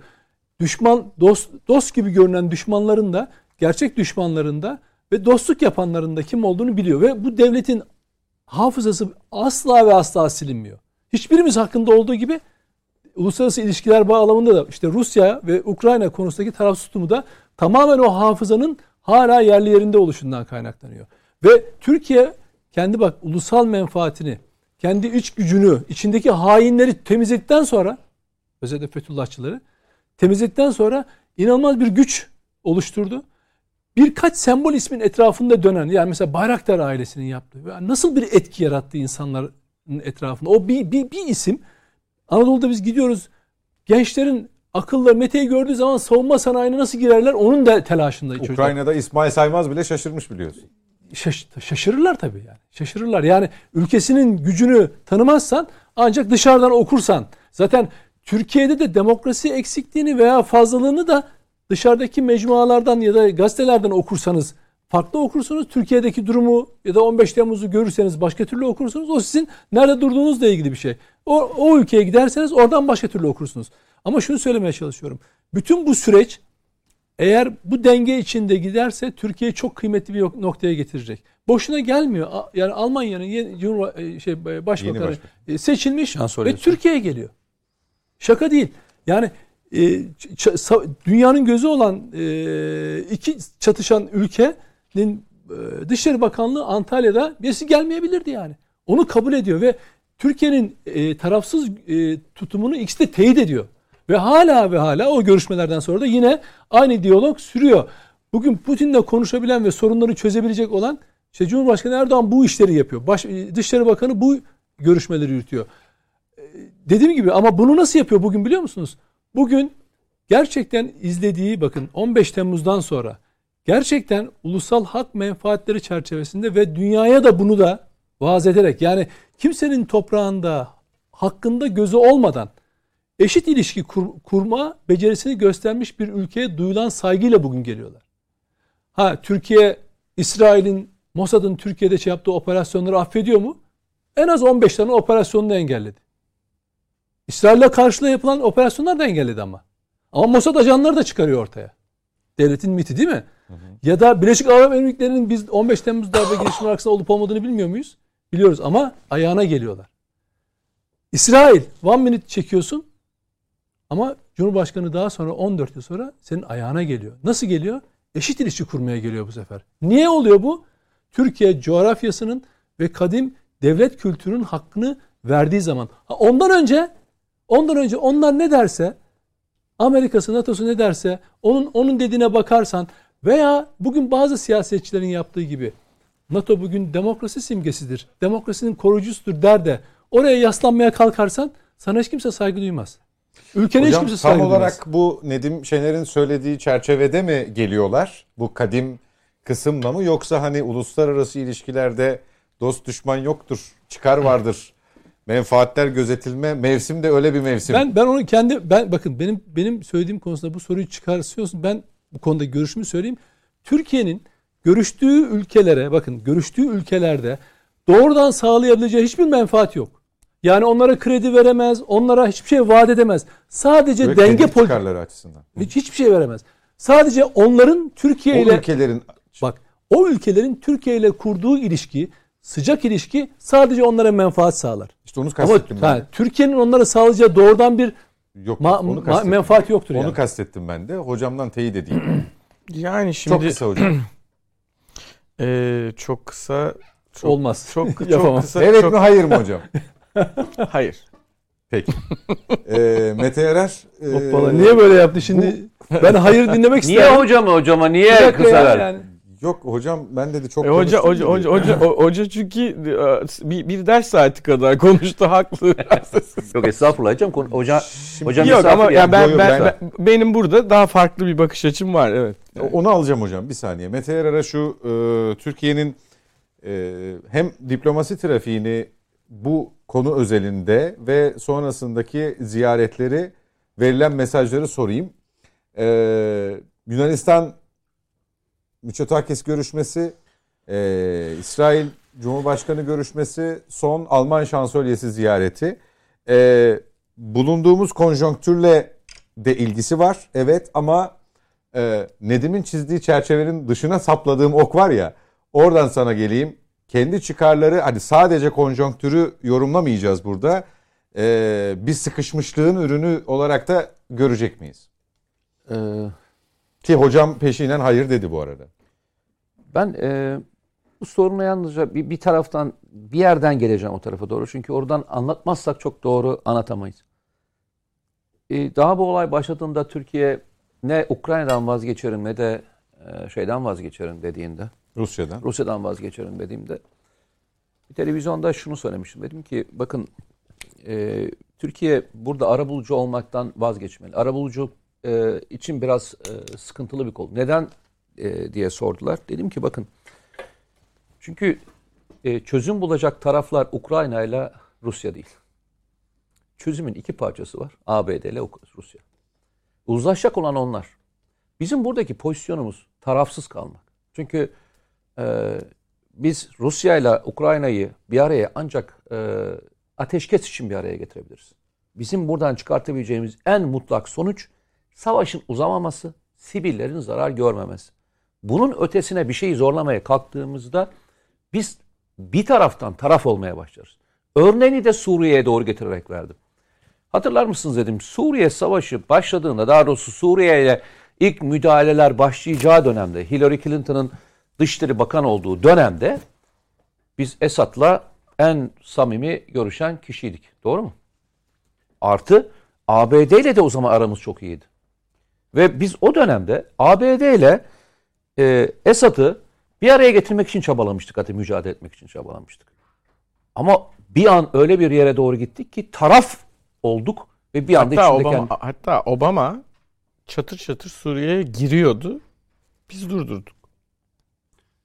Ne demek istediğimi anlatıyorum. Bazen bazen e, iki tarafa da çok yakınsanız ara bulucu olmayacaksınız. Ben hayatta öğrendiğim en önemli tecrübelerden bir tanesi budur. Hayatımda da yaşamışımdır. İki tane samimi insanlara çok samimiyimdir. Araya girdiğinde sen kötü olur çıkarsın. Çünkü e, sen ona gidersin bir şeyler yapmaya çalışırsın. Ona gider bir şey yapmaya çalışırsın. Bir müddet sonra söylediklerin başka türlü sana dönmeye başlar. Senin söylemediğin kelimeler ortaya çıkmaya başlar. Adın ara bulucuya değil ara bozucuya çıkar. Ara bozucuya çıkar. Ben o yüzden bir de üstüne üstlük diyorum ya bu olayın iki tarafı yok. Tarafından bir tanesi Ukrayna değil. Ukrayna burada güç alınan merkez Manivelan'ın olduğu kendisi. Yani Ukrayna bu işin parçası değil. Ezilen kısım da o. Rusya ile e, ABD'yi biz bir araya getiremeyeceğimize göre bir defa arabulucu kelimesi hiç kullanmayalım. Çok tehlikeli bir kelimedir. İnsanı da çok kötü farklı yerlere çeker. Suriye örneği bizim önümüzdedir. Yapacağımız tek şey tarafsız kalmak. Doğrusunu mu yapıyor? Şu anda tam doğrusunu yapıyoruz. Suriye'den elde ettiğimiz tecrübe bize ara buluculuktan öte tarafsız kalmayı öğretti. Tarafsız kalıp iki tarafa da mesafeli olup içinde duygusal söylemlerle cümleler kurmadan iki tarafa da elimizden geldiği kadar mesafeli durmamız gerektiğini düşünüyorum. Mesafeli bak, yakın değil bak. Bak yakın demiyorum bak. Mesafeli durmamız gerektiğini düşünüyorum. Çünkü mesafe tarafsızlığın birinci kaydelerden bir tanesidir. Mesafeli. Yakınlık sizi taraf yapar. Vazgeçmezsiniz. Ne Ukrayna'dan vazgeçersiniz ne Rusya'dan vazgeçersiniz. Ama bakın unutmayın. Bu işin bir tarafı NATO ve siz NATO'da tarafsınız. O yüzden söylüyorum. Kendinizi blok olarak çekemezseniz, bu işin dışına doğru çekemezseniz NATO, Ukrayna ve Rusya gibi böyle üçlü bir denklemde bir müddet sonra o türbülans sizi kendi merkezinde içine doğru çekmeye başlar. O merkezin içine, döngünün içine girmeyeceksiniz. O dönenlerin içinde bir tanesi olmayacaksınız. Tamamen dışarı çıkacaksınız. Türkiye'nin Montreux'ün ilgili anlaşması 19, 20 ve 21'e e, soktu değil mi? Yoksa 19, 21, 22'yi mi devreye sokmuştu? Bu şeyle ilgili Montreux'ün. 19'dan eminim ama 20, yani 21 mi? 3 tanesini soktuğu için e, diğerleri de geçemiyor. Yani hiçbir gemiyi e, sokmuyor bölgeye. E, yani savaş kabul etti bunu. Bir savaş durumu olarak kabul etti. Bak tam mükemmel işte tam yapılması gereken buydu ve bunu doğru yaptı. Bundan sonra da durması gereken yer burası. Bundan sonrası yok. İnsani taraf onun dışında yok. Çünkü görüyoruz. TB2 konusu dahil olmak üzere Türkiye'nin çekilmek istendiği bir yer var. Bir tarafa doğru gidi bir şeyi çekmeye çalışıyorlar. Çekilme tarafı ne biliyor musun? Bu olayın içerisinde Türkiye'nin askeri gücü olmadığı müddetçe bu bölgeye çok daha büyük bir güç kaydırmak zorunda çünkü şey. NATO. Ve böyle bir gücü yok. Ve o ne, bu nedenle Javelin az bir silah mı? Yani Javelin yani TB2'den daha mı az şey vurmuştur? Tank vurmuştur şeyde e, Ukrayna'da. Ben sana söyleyeyim daha fazla vurmuştur. Ama Javelin ismi geçiyor mu? Geçmiyor. Javalin'e şey yazılıyor mu? Hani şarkı yazılıyor mu? Yazılmıyor. Bu TB2'nin yaptığını küçültmek adına söylemiyorum. Bazen ön plana çıkartmak da sizi bir taraf haline noktaya doğru sürüklemeye çalışır. Ben sakin durmamız, olayları e, uluslararası hukuk anlamında değerlendirmemiz ve yaşanacak süreçlere göre de yaşanacak süreçlere göre de tavır almamız gerektiğini düşünüyorum. Belki en güzel açıklayacak dönemlerden bir tanesi bu dönemi anlatmak adına söylüyorum. İkinci Dünya Savaşı sırasında İsmet İnönü'nün yaptığı herhalde manevralardır. O dönemde de toplantılarda her defasında adı geçen bütün o e, konferanslarda geçen tek ülke hep isim kim geçiyor? Türkiye. Türkiye de bu işin içine girmeli. Bu işin içine girmeli. Ne zamana ne zamana kadar savaş bitene kadar Türkiye aynı politikayı götürüyor. Herkesle mesafeli, herkesle aynı pozisyonu koruyor. Peki e, Kasım hocama sorayım. E, ara buluculuk değil tehlikeli buluyorum dedi o ifadeyi. Tarafsız iki tarafa mesafeli. Şey olabilirsiniz dedim. Bir araya getirebilirsiniz ama bu arabuluculuk anlamında değil. Ateşkesi sağlarsınız. Ee, sebebini de söyledim. Ukrayna ile Rusya çözmeyecek dedim. Peki bu tarafsızlığın bir getirisi götürüsü yok mu hocam? Şimdi e, Mete Yarar'ın anlattığının müzakere e, literatüründe bir karşılığı var. Zaten bir müzakerede onun söylediği çok doğru. Bir müzakere söz konusuysa önce kendinizi nereye pozisyonlayacağınızı e, şey yapmanız lazım, ortaya koymanız lazım. Kolaylaştırıcı diyoruz ona, facilitator yani. Bu, bu ilişkilerin yürümesini kolaylaştırıcı zemini sağlayan ülke. Ben ee, hani işin e, doğrusunu söylemek gerekirse Türkiye'nin dış politikasının böyle büyük hayranlarından bir tanesi falan değilim yani onu zaten e, kamuoyu da genel olarak biliyor. Biliyoruz hocam. Ee, ama bu konudaki tavrını Türkiye'nin başından bugüne kadar yani Ukrayna ile alakalı tavrını doğru buluyorum.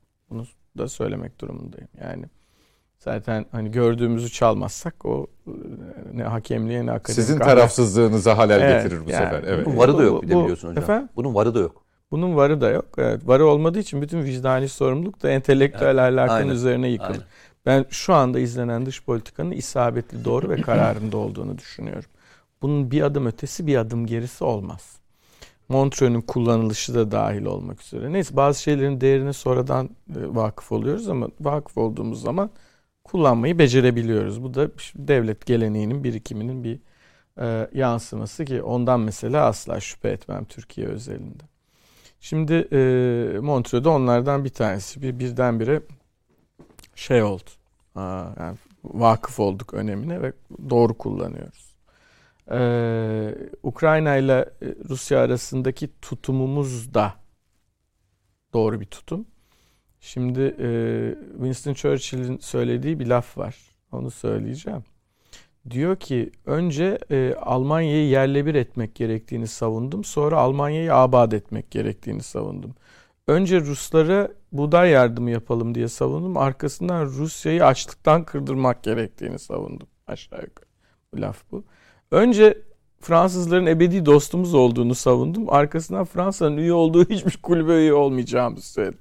Ve nadiren herkes benimle aynı anda aynı fikirde olduğu için sürekli olarak hayatım kavga etmekle geçti diyor. Şimdi benim durumum da biraz öyle e, bu konuyla il- ilgili olarak. Rusya ile ilgili demin söylediklerimin tamamını söyledim ve bunların sonuna kadar arkasındayım. Putin'in siyasetiyle ilgili olarak da böyle. Haksız, hukuksuz bir siyasetten bahsediyoruz. Ukrayna ile ilgili olarak vesaire. Ama birisi bana gelip şunu söylese Türkiye Rusya'ya karşı yaptırımlara böyle kafa göz kim en ağır paket neyse onunla girsin. Sen aklını peynir ekmekle mi yedin derim. Öyle bir şey olamaz. Türkiye'nin Rusya ile ilişkileri, Türkiye'nin Rusya ile enerji ilişkileri, Türkiye'nin Rusya ile ticari ilişkileri bunu kaldırmaz. Dolayısıyla da, ha, dolayısıyla Rusya ile ilgili olarak Türkiye başkalarının dümen suyunda aynı e, yönde ve aynı hızda gitme e, şansına sahip değildir. Bazen o izlek üzerinden gidersin. Bazen biraz daha ileriden, bazen biraz daha geriden, bazen yandan, bazen sağdan, bazen soldan. Ee, Türkiye o dengeyi gözetmek mecburiyetindedir. Öte yandan Türkiye hiçbir surette Ukrayna'nın Ruslar tarafından böyle çatır çatır yeniyor olmasına da Aa canım ne yapalım Ruslarla bizim ilişkilerimiz çok iyi deyip göz yumabilecek konumda bir ülkedir. Onu da yapmıyor Türkiye. Ama Şimdi- iş dönüyor dolaşıyor ekonomiye geliyor ya hocam. Tedarik vesaire. Ee, Ha, şimdi ekonomiye geldi- Yarını e, belki garanti altına almak değil ama İki- düşünmek durumundayız. İki, işte onu da düşündüğünüz zaman bunların ikisinin arasında çok fazla e, taraf olmamak mecburiyetindesiniz. Ama işte ne getirecek bize bu tarafsızlık?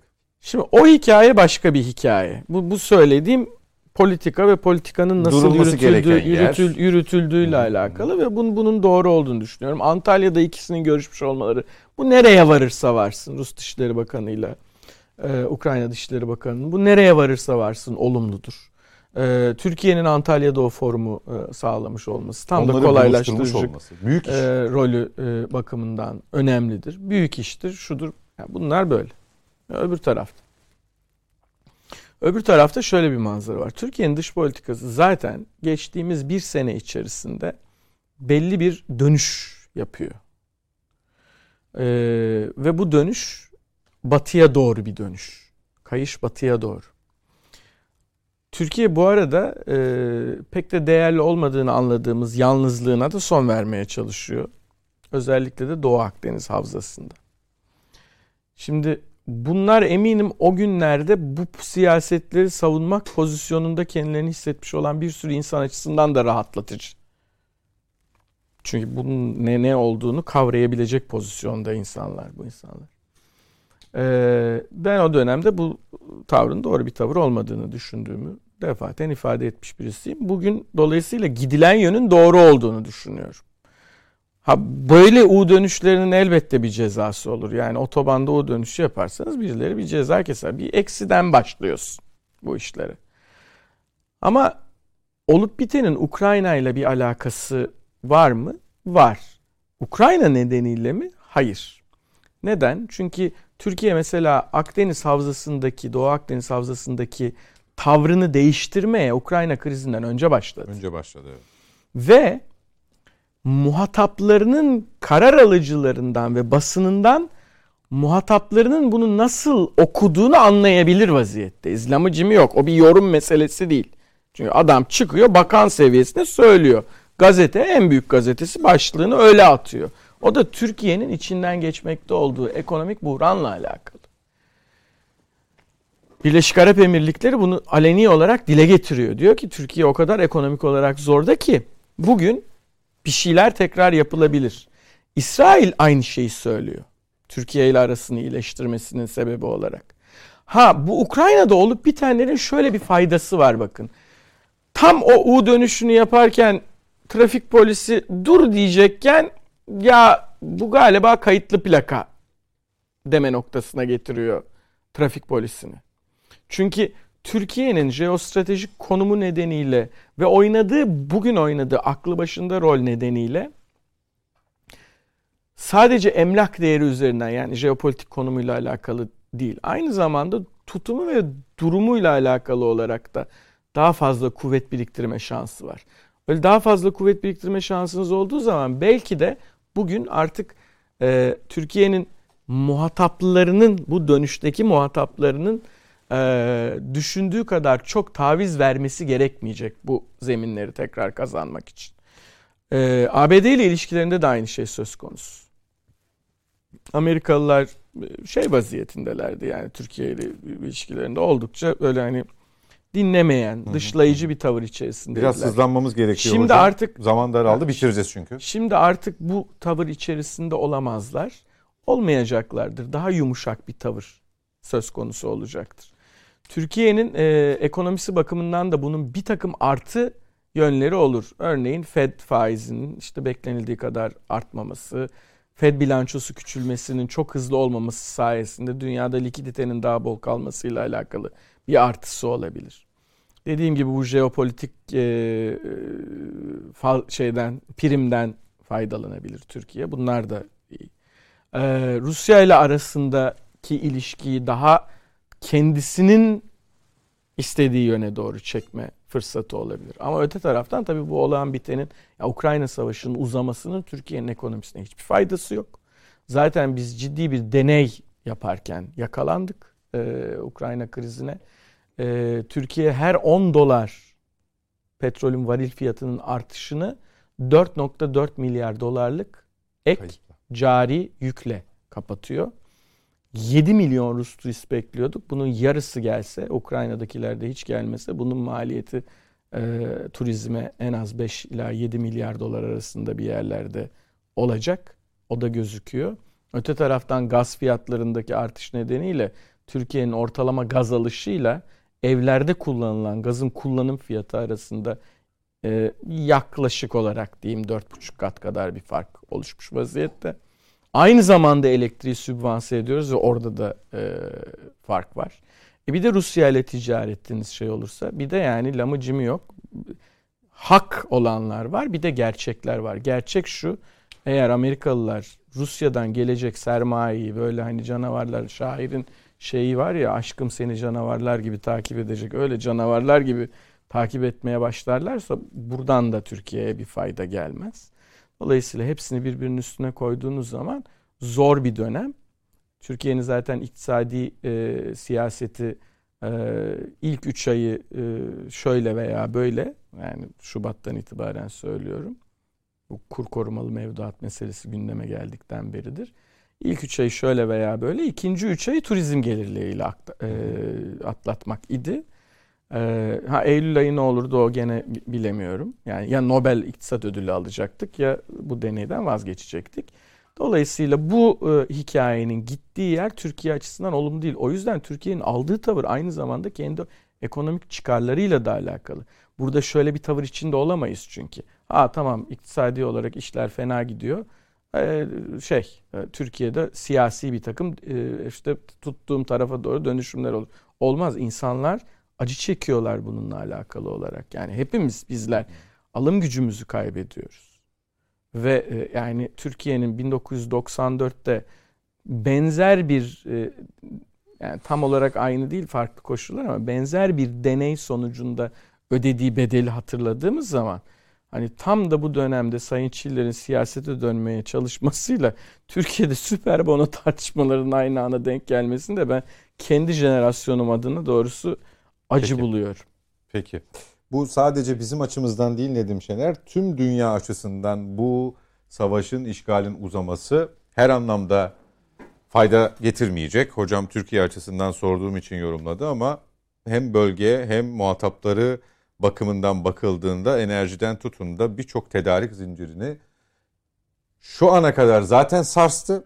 Uzaması çok daha öngörülemeyecek boyutlara ulaştırabilir. Ee, zaten bu diplomasi atağı, trafiği durduğu yer noktasında Türkiye'nin e, hakkını ve kadimliğini teslim etmiştin.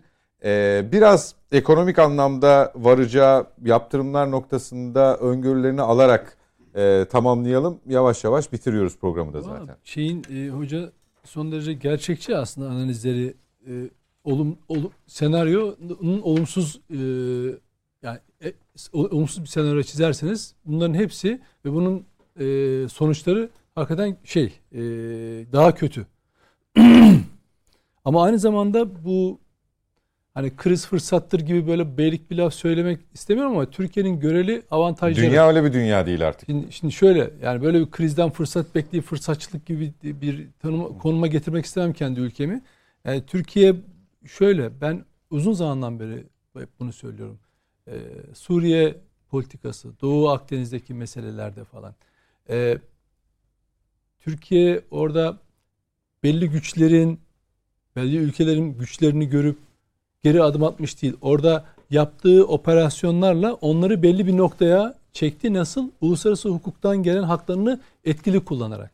Suriye meselesinde olduğu gibi 2013'ten sonra neyin nereye gittiğini görüp ondan sonra 15 Temmuz'dan hemen bir ay sonra yaptığı operasyonla yine o masada orada haklarını kullanarak, uluslararası hukuktan gelen haklarını kullanarak belli bir avantaj sağladı ve bunları hiç şöyle bir mesela o tarihlerde hatırlayacaksınız.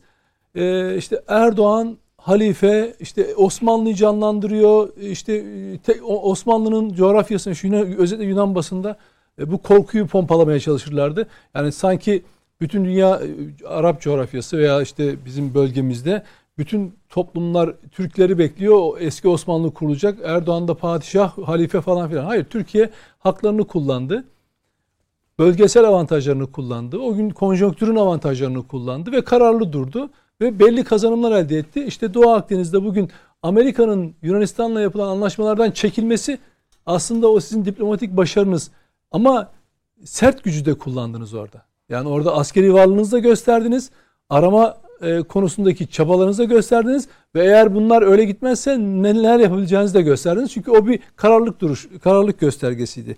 Şimdi burada da bu çatışma anında da Mete'nin de bahsettiği gibi tarafsız olması Türkiye'nin çok önemli. Yani coğrafi avantajı var.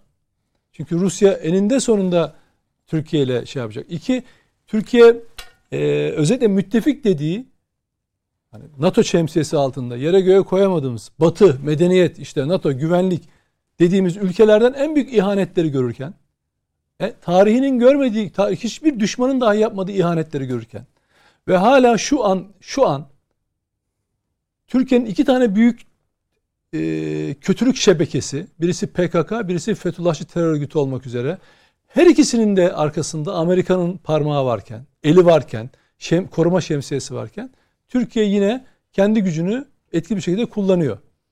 E, onlar e, ambargo koyuyorlar, yaptırım uyguluyorlar. Türkiye yine pozisyonunu bozmuyor. Hukuk, uluslararası hukuktan hem de Amerikan iç hukukundan da yani karşı pardon ulus, e, e, kaynakların haklarını da etkili bir şekilde kullanıyor. Taleplerde bulunuyor. Terör örgütüyle ilişkisini anlatıyor e, e, Suriye Demokratik Güçlerinin. Amerikalılar hiçbir hukuk falan tanımıyorlar. Bir haydut devlet olarak aynen e, hocam dedi ya Rusya bir haydutluk yapıyor. Hı hı. Tamamen Amerika Birleşik Devletleri bir terörist devlet olarak bunları icra ediyor. Bildiğiniz terörist devlet olarak icra ediyor. Yani e, şöyle ki biz NATO ülkesiyiz. Bizim askerimiz NATO hani e, bağlamında e,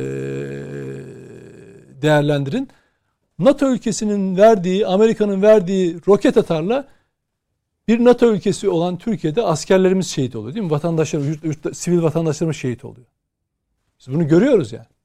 Şimdi ama Türkiye şu, özetle şunu söylüyorum. 15 Temmuz'dan sonra yaşanan gelişmeleri çok dikkat değerlendirmek lazım.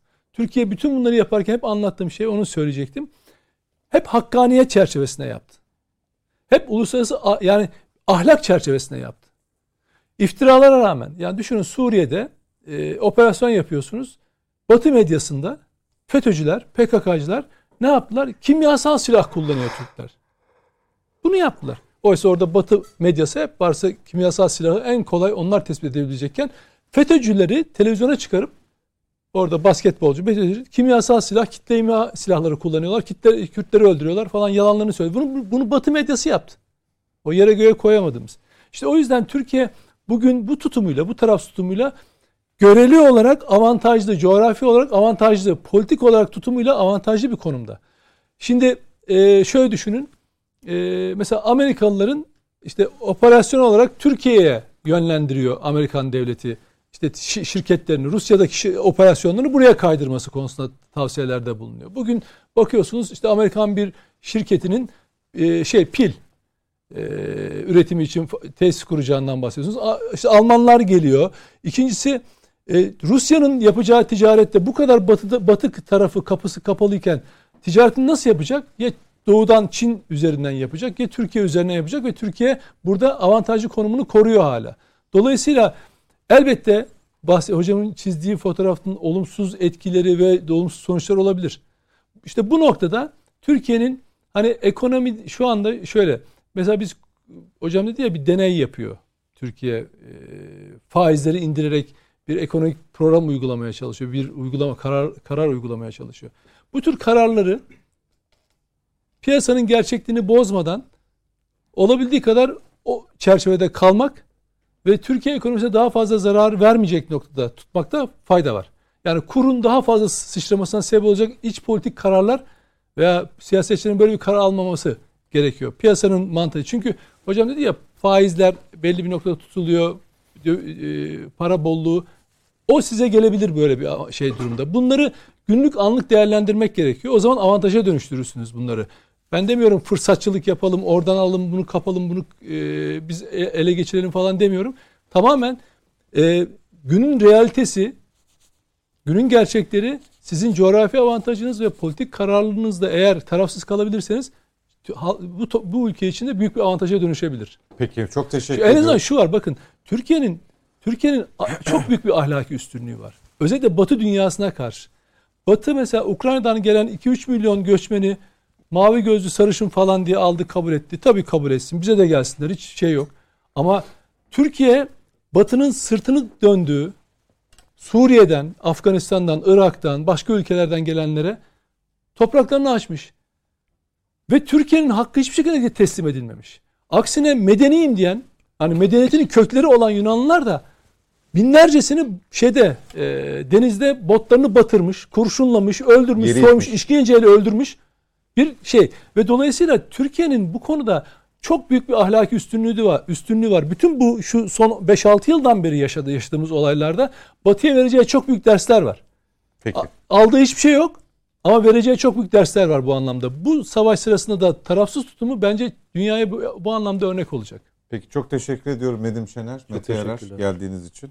Hocam teşrif ettiğiniz için ayrıca teşekkür ediyoruz. Ben Yine teşekkür bekleriz ederim. diyelim. Ben Sağ teşekkür olunuz. ederim. İki tane çok sevgili dostumla sizinle birlikte program yapma şansını bize e, verdiğiniz için. Estağfurullah, Onlara sağ da olunuz. çok teşekkür ederim.